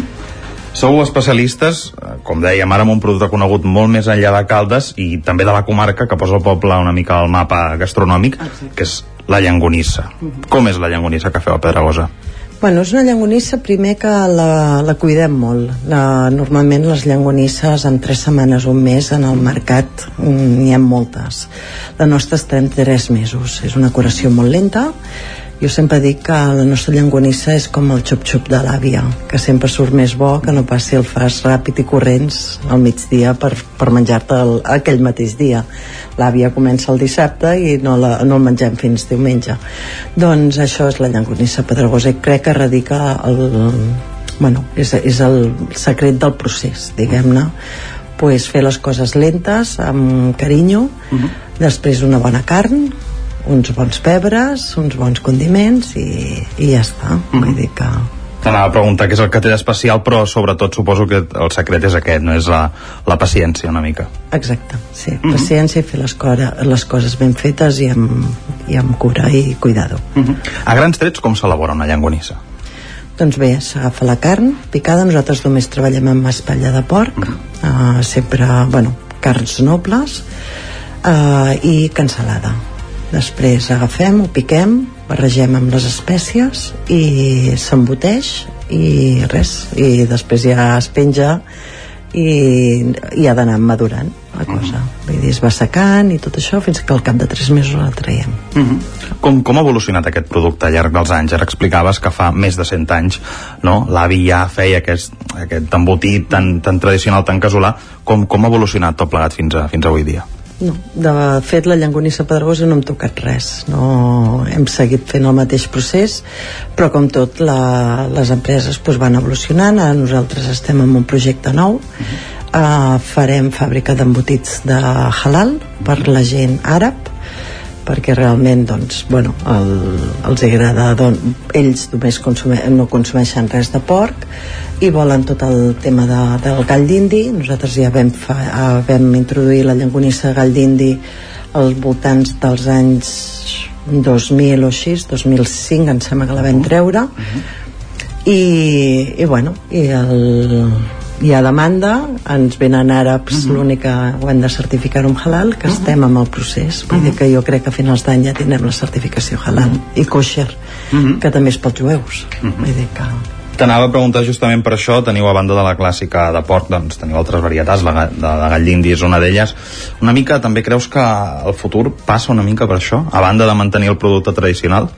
Sí, de fet, a veure, les empreses han, han d'estar constantment en evolució, vull dir, no et pots quedar sempre amb només que vale que hi ha aquest producte, funciona, uh -huh. està perfecte, vull dir que, però com ens hem d'anar especialitzant el, la demanda del mercat també cada vegada doncs, és en productes més saludables. Uh -huh. la llangonissa de gall d'indi pues, és un producte molt demandat per esportistes, per gent que té colesterols per gent que té cardiopaties i tot això. I les dones que se, sempre estem a dieta doncs el gall d'indi és una bona opció. Per tant això és tendència de mercat. Anem cap a productes doncs, més saludables i més que no estic dient que el porc no sigui saludable ni molt menys. Vull dir s'ha de consumir amb dieta mediterrània s'ha de consumir de tot. Però bueno, hi ha gent que es vol cuidar una mica més i, i bueno, i estem fent doncs, tota la gamma de gall d'indi que està funcionant molt bé i és tendència de mercat a, a tot arreu. Vull dir, fins i tot a Europa i internacionalment Mm -hmm. A banda de la llangonissa, també teniu altres productes, com per exemple els fuets, que teniu des dels més tradicionals fins també altres varietats, com de pipes, de fruits secs. Que explica'ns una mica sobre aquest producte també, que és molt nostrat, però que heu anat un pas més enllà. Doncs eh, tot això ens ha vingut degut a que hi ha, bueno, hi ha molts supermercats gourmet que estan demandant pues, altres varietats, altres productes que no tinguin grans superfícies o, bueno, o fins i tot gastrobars que volen utilitzar-ho amb la copa de vi i no el tradicional fuet, sinó que hi posen pues, fuet d'olives, fuet de, amb trufa, fuet, diferents varietats que maridin bé amb el vi. Uh -huh. Vull dir que, bueno, i està funcionant, la veritat és que molt bé. Uh -huh per tant, és compensat, diguem, com un complement, no? Exacte, sí, sí, sí. I, bueno, les exigències del mercat, que cada vegada volen coses més novedoses, mm. més um, saludables, més divertides, bueno, coses diferents i constantment estem en evolució a Pedregosa, vull dir que... Com, com ho feu per estar tan al dia? Doncs bueno, tenim un equip que ens dediquem a l'IMASTE intentem ve ve veure tendències de mercat també les distribuïdores els, cli els mateixos clients et diuen escolta, eh, no em podries fer i després ho posem en, en investigació mirem, estem un parell d'anys mirant el, la millor opció per treure el producte uh -huh. posem la màxima qualitat que és el que ens premia i ja està i, i, i traiem el producte uh -huh. Teniu quantificat a grans nombres més o menys quants quilos de llangonissa podeu vendre a l'any? Tonelades mm -hmm. però mm, dir-te la quantitat no perquè com que fem moltes varietats uh -huh. tant fem fuet com fem llangonisses com fem xorifuet com fem la llangonissa xorissada com fem llangonissa colana fem llangonisses trufades amb anous, amb pebres amb mm, és que són moltes tonelades uh -huh. a banda d'aquí de, de Caldes de la vostra botiga que ara esteu a, aquí a l'Avinguda Pimargall Uh, on més es poden trobar les llagonisses Pedregosa? Bueno, uh, actualment aquí a Catalunya ja estem a molts llocs uh -huh. uh, realment la, bueno, com a nom de Pedregosa però també hi ha venem a altres llocs uh -huh. que suposen amb la seva marca però realment és una llangonissa pedregosa l'únic que clar mm, i a grans superfícies com tots bueno, intentem fer una mica de tot uh -huh. I també, finalment, ja et volia preguntar, perquè teniu un blog al vostre web on hi oferiu receptes que incorporen, per exemple, la llangonissa. No sé si ens podries dir alguna que tu personalment t'agradi fer, a banda de consumir aquest producte doncs, amb un pa amb tomàquet o amb un sopar. Mm, on, on, com t'agrada, tu, diguem, incorporar la llangonissa a la cuina? A mi m'encanta el tàrtar de fuet.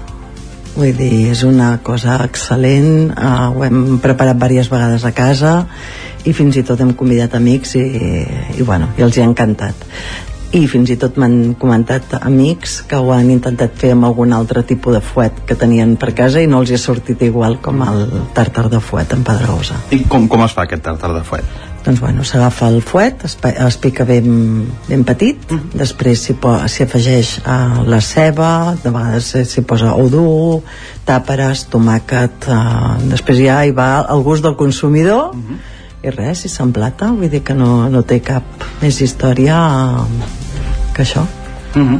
Senzill però, però a l'abast de tothom i, sí. i, i, i bo, no? Sí, i refrescant doncs moltíssimes gràcies Eva per atendre'ns aquí als micròfons d'Ona Codinenca avui i per explicar-nos doncs, una mica més d'aquest producte tan nostrat aquí a Caldes però que alhora també és tan conegut arreu de Catalunya com és la, la vostra llangonissa. Gràcies. Molt bé, gràcies a vosaltres.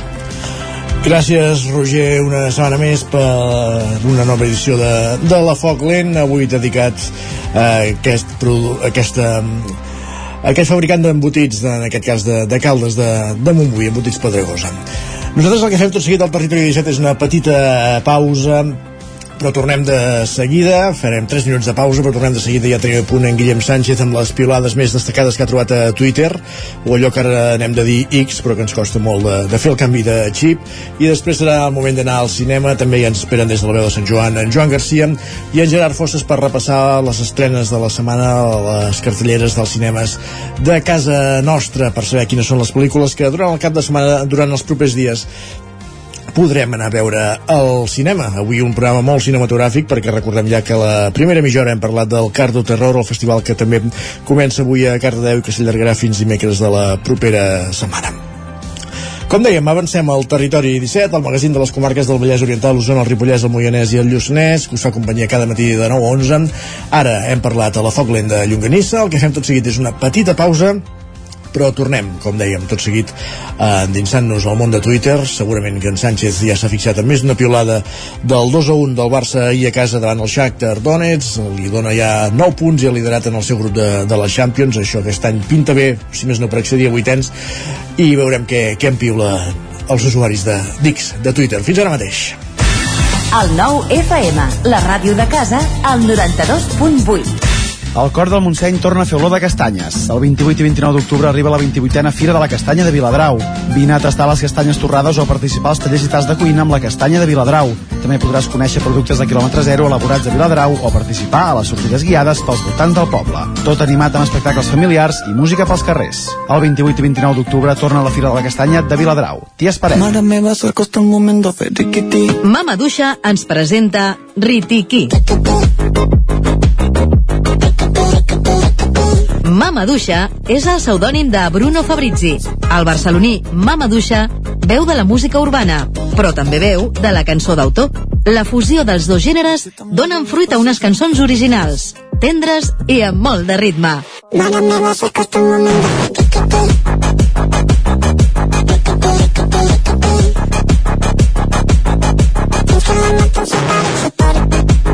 Mama Duixa, Ritiki. Amb el suport del Departament de Cultura.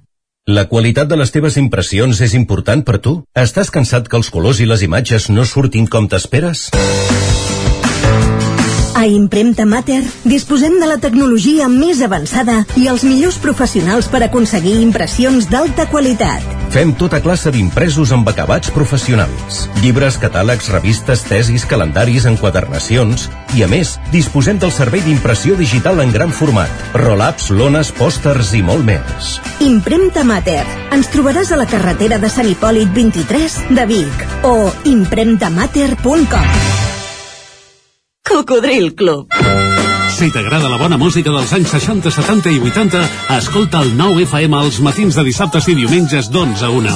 És el temps del Cocodril Club, tot un clàssic de la ràdio, amb les bases del pop-rock, les llegendes, les cançons que s'han convertit en autèntics himnes. Recorda, dissabtes i diumenges al matí, d'11 a 1, al 9 FM 92.8. Cocodril Club, el programa revival de l'Albert Malla. Hasta luego, cocodrilo. L'infopodcast del 9-9 amb Sílvia Pedret. Cada dia et donem les claus de les notícies més rellevants de casa nostra. Vivim en una comarca que s'està demostrant pionera en transició. Desperta't cada dia amb l'infopodcast del 9-9. Aquesta setmana tornen a ser notícia els pantans perquè han baixat... El trobaràs a dos quarts de vuit del matí al 99.cat, Spotify, iVox i, si ho vols, te l'enviem directament al mòbil. Subscriu-te als canals de WhatsApp i Telegram del 99. Soc Sílvia Pedret. Comencem. El 9 FM, la ràdio de casa, al 92.8.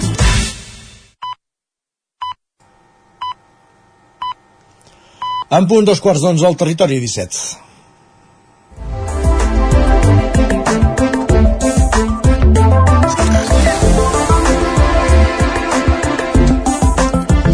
Guillem Sánchez, benvingut, bon dia. Què tal, què tal? Com estàs? Doncs mira, amb ganes que arribi dissabte a la tarda. Què passa dissabte a la tarda? Una mica de clàssic, no? Ah, és veritat. Hi ha una mica de, de, de futbol, de Barça-Madrid, donar una mica més de morbo I, a la jornada. i, i X. I, i, I hi ha bull d'això, no? Suposo. I hi ha bull d'això també després del, del partit d'ahir amb un nom a la boca de, de tothom. En Fermí? En Fermí, una mica de Fermí. Va, ens repassem algunes piulades. Ens diuen, quan un jugador marxa al Linares cedit és per no tornar. Diu, Fermí no ho va fer. I a sobre xuta des de fora l'àrea, juga amb les dues cames, fa petons de la samarreta, és universitari i fa l'esforç per parlar català. Diu, creu de Sant Jordi per a ell. Uh, molt bé. Quants anys té? Uh, bona pregunta. I va marxar al Linares cedit. Això la temporada passada. Temporada passada, temporada passada. Eh, molt bé. Si algú sap quants anys té, que ens ho, que ens ho digui. Jo ara mateix no, no ho sé. Ara ho buscarem. Va, la gent també es fa pel·lícules com aquest usuari que ens escriu Mare meva, Fermín, no? Diu, el Gavi, Pedri Fermín comença a ser inevitable. De moment d'aquests tres n'hi ha un que està lesionat, per tant, de moment Exacte. això no, no ho podem complir.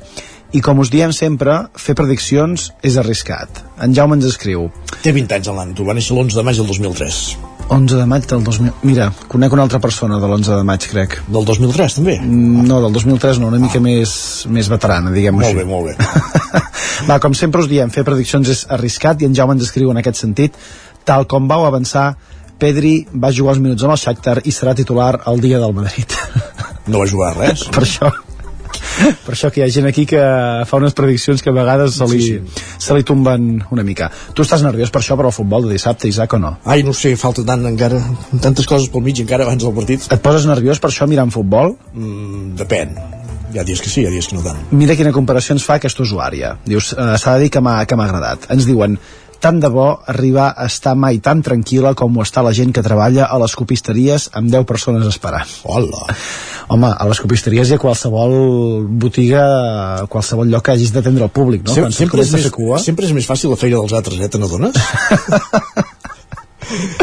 Una abraçada per tots els copiste, copisteros o copisteres. Copisteres. De la, Copisteris. de, la, de la Catalunya. Va, aquí hem estat una mica més nerviós aquesta setmana, com ho dèiem, ja em sembla, hi era eh, l'Arnau Tordera, Ja. que ens escriu, diu, tingueu classe, no us rendiu al xeronisme, no feu Halloween.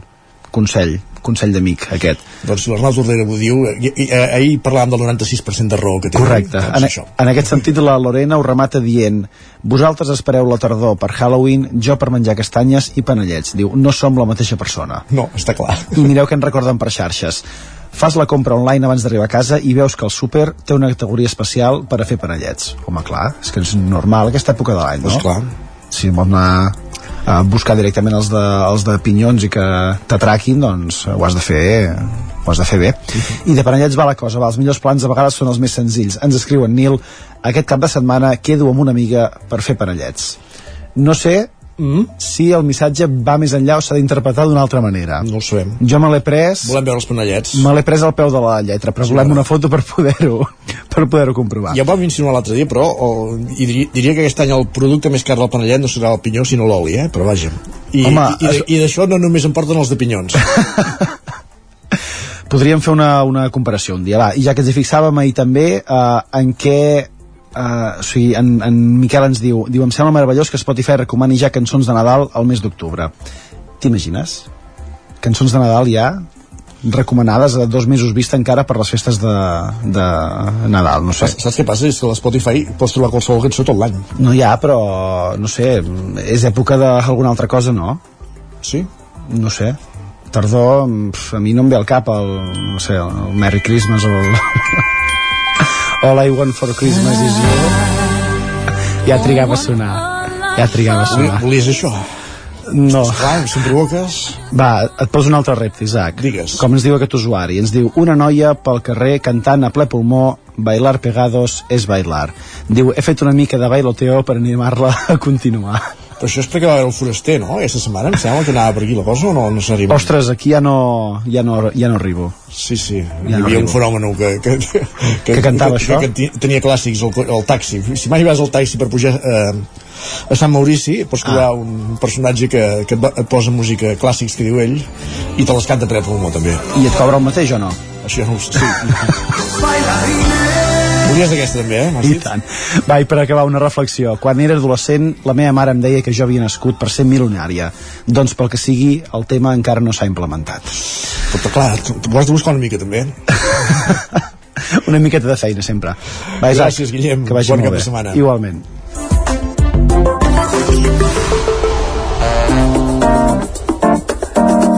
Territori 17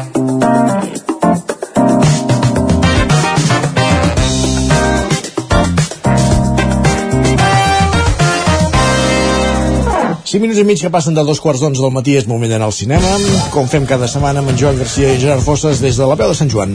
I una setmana més, moment d'anar al cinema i de fer-ho amb en Gerard Fosses, que ja el tenim amb nosaltres. Hola, Gerard. Hola, què tal? Ben tornat? Sí, sí, gràcies. Uh, tu, tu ja sé, tu no has deixat de ser-hi, eh? No, no, no, eh, vaig a les vacances però a la ràdio hi segueixo. Molt bé. Escolta, uh, què ha passat aquest cap de setmana que hi ha tantes pel·lícules? Uh, bé, bueno, sempre hi ha moltes estrenes, sempre anem a destacar-ne tres, uh, i sé que ens ha passat moltes vegades que diem, ostres, aquesta setmana no sabem massa què destacar, però clar, ens arribem al 25 d'octubre i per la raó que sigui, doncs hi ha moltes estrenes que, que val la pena comentar-les, que valen prou la pena, i no sé, per això n'he fet una llista de bastantes. Molt bé. Doncs, escolta, no sé, fem un... he vist que has fet com una mena de, de paquets. Uh... Sí, això ja... Mira, si vols et deixo triar tu, eh, podem fer una mica de zapping mm. i jo he fet així una mica de selecció i de què vols que parlem? De, de cinema espanyol, de, de pel·lícules que ja que estan parlant ja de gran cinema, no vol dir que el cinema espanyol no sigui gran cinema, eh? però, Mhm. però sí de pel·lícules així realment potents o vols alguna cosa així d'entreteniment de cap passadia? Fe- per on vols començar? Fem-ho per aquest ordre que has dit. Comencem per, per cinema espanyol. Doncs vinga, comencem amb el cinema espanyol, que hi ha bastantes propostes aquest cap de setmana. En destacarem una que s'ha estat projectant aquests dies al Festival Inèdit, el Festival de Cinema de Documental Musical de Barcelona, i és un film dirigit i protagonitzat per Setangana i que es titula Esta ambición desmedida.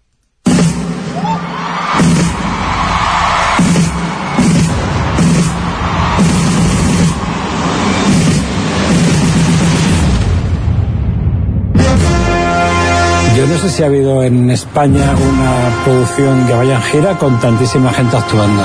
Le va a volar la cabeza a la gente. A ver, que me cuesta mucho decir que no, pero es que no lo quiero hacer, sinceramente. Llevo dos putos años cerrando estas fechas y de repente este hijo de puta es capaz de cancelar. Crec que n'hem parlat algun dia d'aquest uh, documental sobre en Setangana. Uh, jo no sabia que la música podia donar tants diners perquè realment es veu que una, una opulència i, i un muntatge espectacular dels seus concerts, també del documental, suposo. Sí, sí, efectivament. Dic que és un documental que s'ha projectat en nou sessions diferents a l'Inèdit, no sé si encara en queda alguna, em sembla, i, i la majoria plenes, o sigui, aquest és el fenomen de, de Setangana, eh, com, com a músic també pel, pels seus videoclips i tot, i aquest és un documental que, que ell mateix ha planejat, que no, no l'ha dirigit directament, eh, que, que bàsicament és un seguiment de tota la seva última gira uh, tot el tema de com es conceptualitza l'espectacle tot el que mou uh, les negociacions, assajos um, temes més íntims.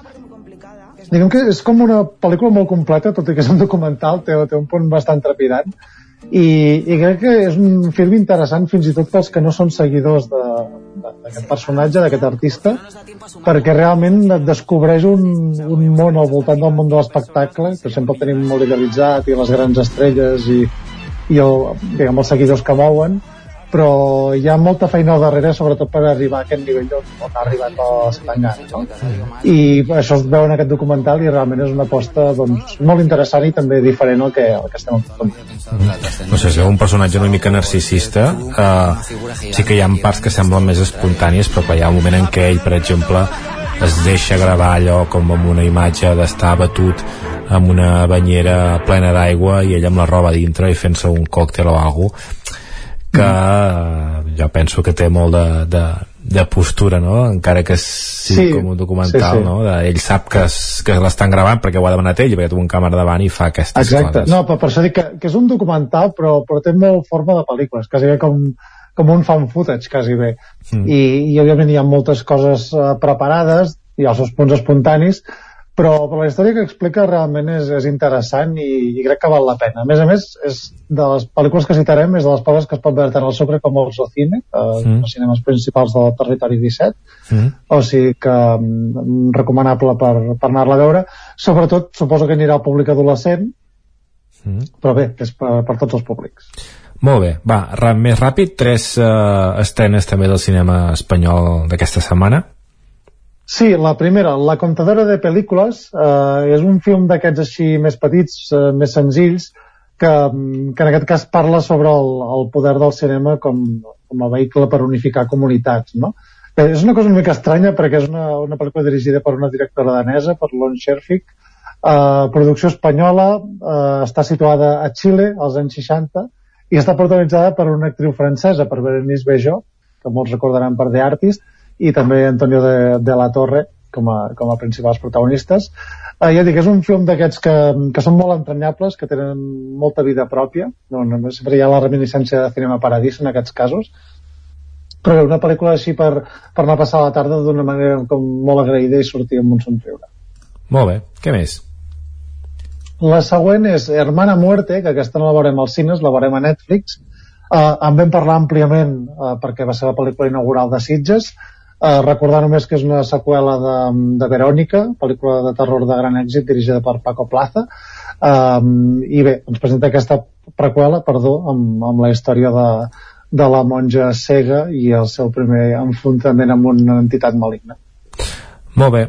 Uh, I per últim, per últim, també a nivell de cinema espanyol, no s'estrena ben bé aquest divendres, però sí que el podrem veure entre altres uh, llocs l'1 de novembre, i és un film que s'ha destacat molt perquè és un biòpic uh, molt propi de Catalunya, que com és uh, el de l'Eugenio, aquest personatge humorista, explicador d'acudits uh, tan, tan mític, uh, interpretat en aquest cas per David Verdaguer, i, i la pel·lícula ens porta als anys 60, o, en els primers anys de la carrera de, de l'Eugenio, i se centra molt també en la relació amb la, amb la seva parella, interpretada per Carolina Juste, que per cert, potser ho haureu sentit, però eh, és una actriu que no parlava català i en tres mesos no només ha après a parlar català, sinó que parla eh, d'autèntica meravella. Mm -hmm. també, també a tocar la guitarra, em sembla, eh? Sí, sí, efectivament. Uh, això, és un film dirigit per David Trueba, amb, amb guió, i aquí podem patir una mica, d'Albert Espinosa i el mateix. Ai, vale, vale, ara ho entenc. Vale, doncs uh, aquesta pel·lícula es podrà veure també a, a Ripoll uh, mm. el dimecres, per això, un horari diferent i especial. Sí, a, a partir de l'1 de novembre, com a, mm. com a estrena especial. Molt bé, festa, clar, és veritat, tots sants. I com que és tots sants i doncs l'Eugenio està mort, no? També ja podem enllaçar-ho per aquí. Sí, és pel·lícula de fantasmes. Recordo que la seva dona, en, en un documental o una notícia que van fer de la seva mort va dir que havia estat una mort de cop i volta irreversible si no no seria una mort si no no seria una mort molt bé, anem a, l'etiqueta que tu has posat de gran cinema. Que podrem veure gran cinema, efectivament eh, en destacarem una que, que arribarà aviat a Netflix però que té una estrena limitada en cinemes molt com està passant ara i és el nou film de David Fincher eh, que es titula El asesino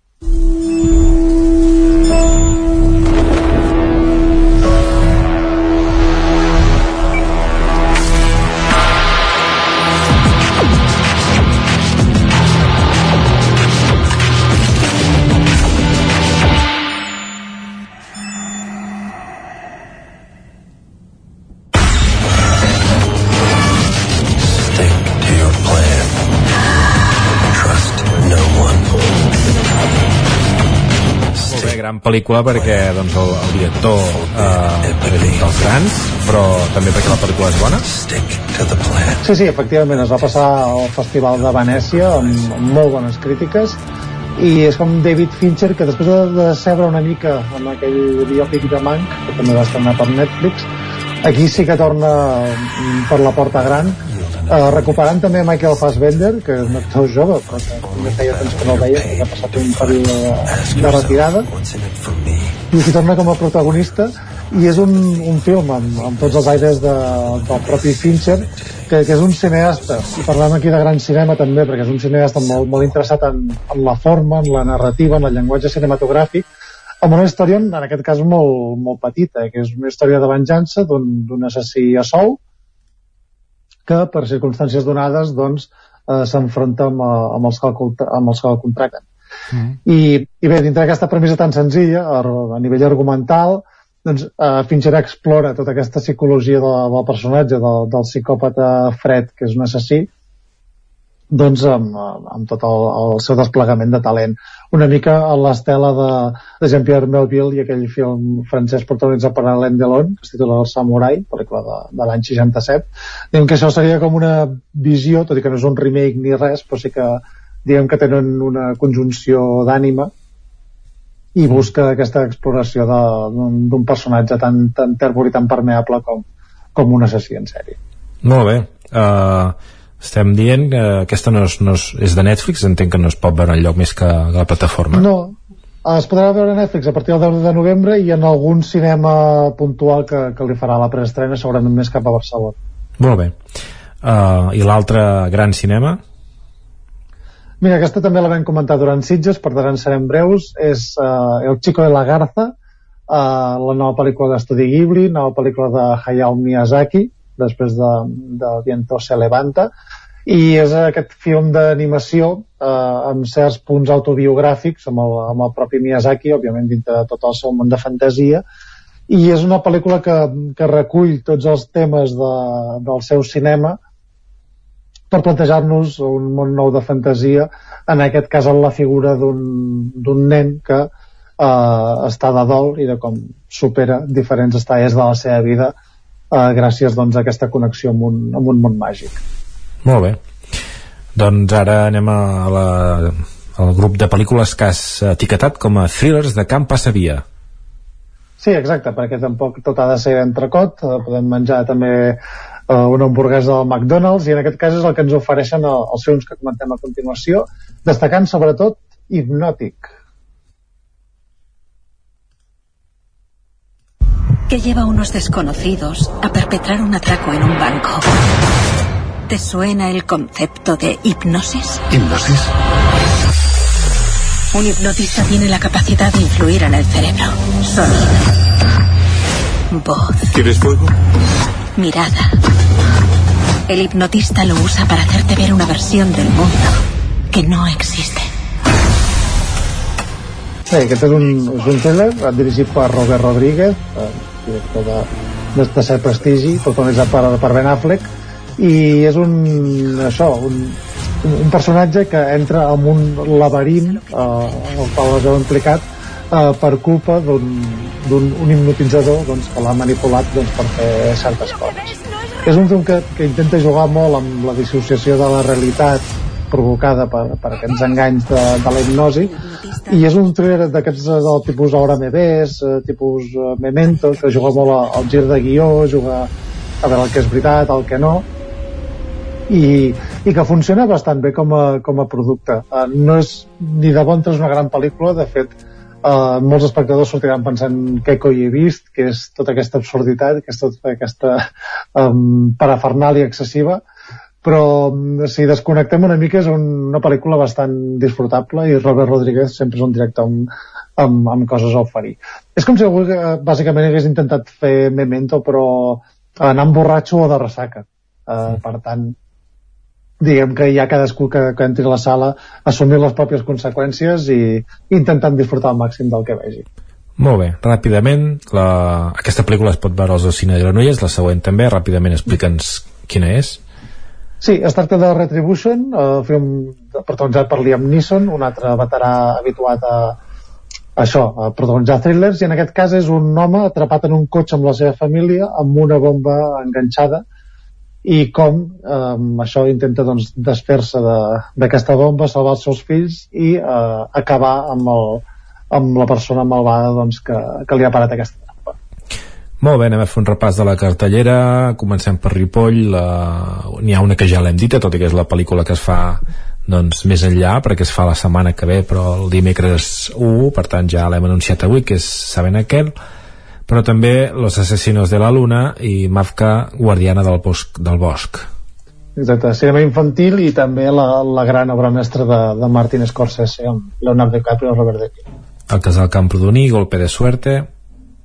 Pel·lícula de Woody Allen, de la qual també hem parlat àmpliament. Uh mhm. -huh.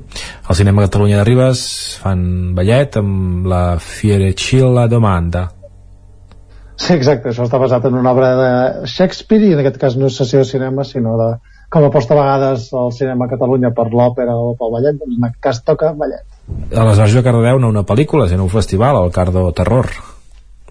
Exacte, entre el 26 d'octubre i l'1 de novembre podeu disfrutar del Cardo Terror amb les seves apostes tant pel curtmetratge com per llargmetratge, també clàssics. Uh, us recomanem que entreu a la, a la seva web de, del festival, veieu la programació i és un magnífic plan també per, per passar el Halloween oh, n'hi ha unes quantes eh, ara de, de Halloween també al cinema Alhambra de la Garriga per exemple hi ha Carrie però també d'altres que també poden fer una mica de por, com la patrulla canina eh?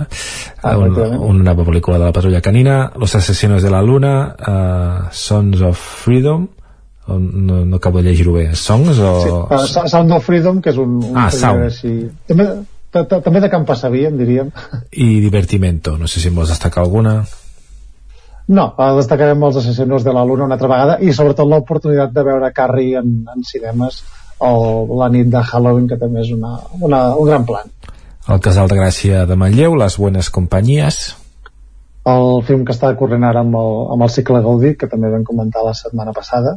I el Cineclub de Vic, eh, d'una banda tenim Fric, Sí, que és la, la, la gran novetat d'aquesta temporada. Eh, es recupera el Cineclub Freak, que són sessions d'aquestes més enfocades al cinema de terror, al cinema més cafre, més experimental, més independent, i en aquest cas doncs, comença aquest divendres a les 9 del vespre, un horari una mica diferent del cineclub habitual, amb una projecció d'obert fins a la matinada, pel·lícula precisament de Robert Rodríguez, eh, protagonitzada per Josh Clooney i Quentin Tarantino, i a més serà una projecció i Salma Hayek i Salma Hayek. Exacte, uh, inoblidable pel, pel ball de Salma Hayek amb la SERP i, i bé, es podrà veure en una projecció en 35 mil·límetres d'autèntic luxe.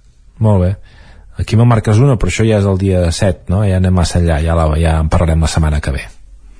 Ah, efectivament. Molt bé, doncs escolta, moltíssimes gràcies i això, fins la setmana vinent. Fins la setmana que ve, adeu-siau Territori 17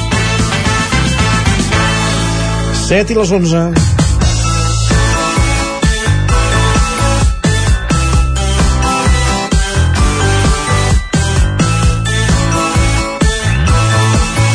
Hem parlat de cinema, ens hem posat al dia de les novetats de les cartelleres i acabem el programa fent amb algunes recomanacions d'allò que podem veure sense sortir de casa, asseguts al sofà. Tot és compatible, eh? es pot anar al cinema i es poden mirar pel·lícules també al sofà de casa a les plataformes. Eh, l'Isaac Montades cada setmana ens en recomana algunes de sèries o pel·lícules que hi podem trobar. Isaac, benvingut de nou, bon dia. Dia Isaac, bon dia doncs, uh, mireu, aquesta setmana us recomanaré uh, One Piece, però la sèrie de, de Netflix, aquest live action, que mm -hmm. jo penso que, que val la pena recomanar-lo. Recordem que aquesta, aquesta sèrie està basada en un manga d'Eiichiro Oda, sí. que bàsicament doncs, va començar ja, si no recordo malament, a publicar-se el 1996-97 i la sèrie va començar cap al, cap al 99, per tant és una sèrie que porta 24 anys emetent-se.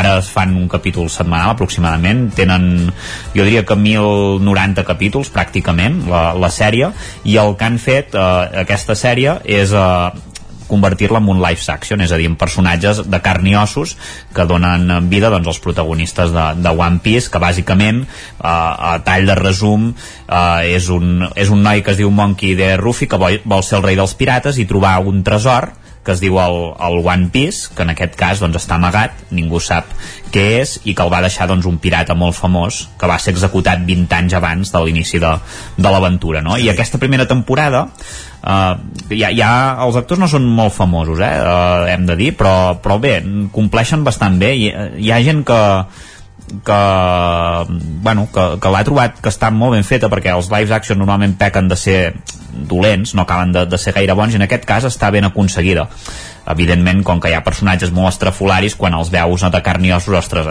et sembla que cantin una mica, però realment està, està ben aconseguida. Aquests vuit primers episodis, de més o menys tots eh, s'aproximen a l'hora de durada, i tracten el que serien a la realitat uns 40 i escaig capítols dels mil i alguna aquesta primera temporada. Vull dir que n'hauran de fer moltes i s'hauran d'afanyar si volen uh, arribar a fer tota la sèrie, que, no, que recordem que està inacabada, uh, perquè si no es faran grans, evidentment, doncs és, és un problema, no?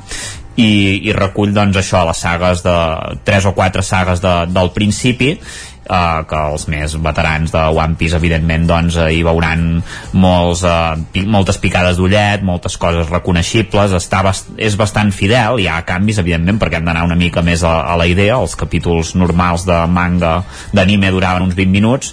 Aquí doncs podríem dir que s'hi recollirien com uns 24 capítols si féssim una mica l'analogia en, en temps, eh? però, però bé, molt, molt divertida, hi ha bastanta acció, hi ha combats que, que estan molt ben reproduïts i, i l'actuació dels actors em sembla correcta, em sembla bona perquè realment s'ajusten una mica a, a, a com són no? en l'anime, per tant -huh. aquesta us la recomano s'ha estrenat a, a Netflix One Piece, el, a live action, sí, el sí. que no tenim clar, pel que deies, però és quan pot durar la cosa, no? S'estrena aquesta primera temporada, però detecta per molt de temps. Sí, Netflix penseu que fa com a, com a molt una, una temporada per any. Vull dir que realment hauran d'avançar i, i, a mi, i a tothom s'imagina la temporada 2 on s'acabarà, això està clar. Vull dir, més o menys la gent ja ja 100, 100 i alguna 100, serien uns 100 capítols a l'anime, més o menys 100 i poc amb la saga d'Arabasta, pels qui coneguin One Piece ja sabran de, de què parlo que és, que és el que, que tothom creu que, que s'acabarà la segona temporada, no? però clar, hi ha cada cop més personatges, vull dir, hauran d'espavilar, eh, realment. Molt bé, si més no és una, eh, una proposta que quedarà allà com a sèrie de culte, si més no. Sí. Alguna cosa més, Isaac? Tenim un minutet, però si no... Tenim també un, un minutet, doncs mira, la minissèrie de Beckham, que, que ah. també està bé. És, és bastant entretinguda, quatre capítols, sí. eh, són una mica més llargs d'una hora, sí. i la veritat és que la gent que no coneixia David Beckham se sorprendrà perquè és una persona molt humana, que s'expressa molt humanament de tot el que ha viscut, perquè realment de passar un jugador desconegut a ser una estrella del futbol també una mica per, per el fet de casar-se amb Victoria Beckham, doncs aquí hi ha quatre capítols, Després, un que sí, l'Spice Girl, que recull una mica els inicis al Manchester United, un segon de l'expulsió del Mundial de, de Futbol i després del naixement de, del seu fill una mica les amenaces que va rebre arran d'aquesta eliminació, el tercer se centra en la seva etapa en el Madrid, bàsicament, i el quart una mica en el final de l'etapa al Madrid i, i l'arribada a Los Angeles Galaxy. I la veritat és que mm, molt humà, molt, un retrat molt humà i que gent que personalment que jo conec que pensaven que Beckham era d'una manera, a part que és un jugador molt professional, doncs n'han quedat satisfets. Molt recomanable, Netflix també. Doncs una altra sèrie que ens apuntem. Gràcies, Isaac, i tornem demà. Fins demà. Adéu. Adéu. I acabem aquí el Territori 17, acabem les recomanacions de sèries i acabem el Territori 17 d'avui, dijous 26 d'octubre des de, de 2023. Us hem acompanyat des de les 9 Enric Rubio, Pepa Costa, Roger Rams, Guillem Sánchez, Gerard Fosses, Joan Garcia, Isaac Muntades, Sergi Vives, Isaac Moreno. El Territori 17 i torna demà a partir de les 9 fins a les hores. Bon dijous i gràcies per ser-hi. Adéu-siau.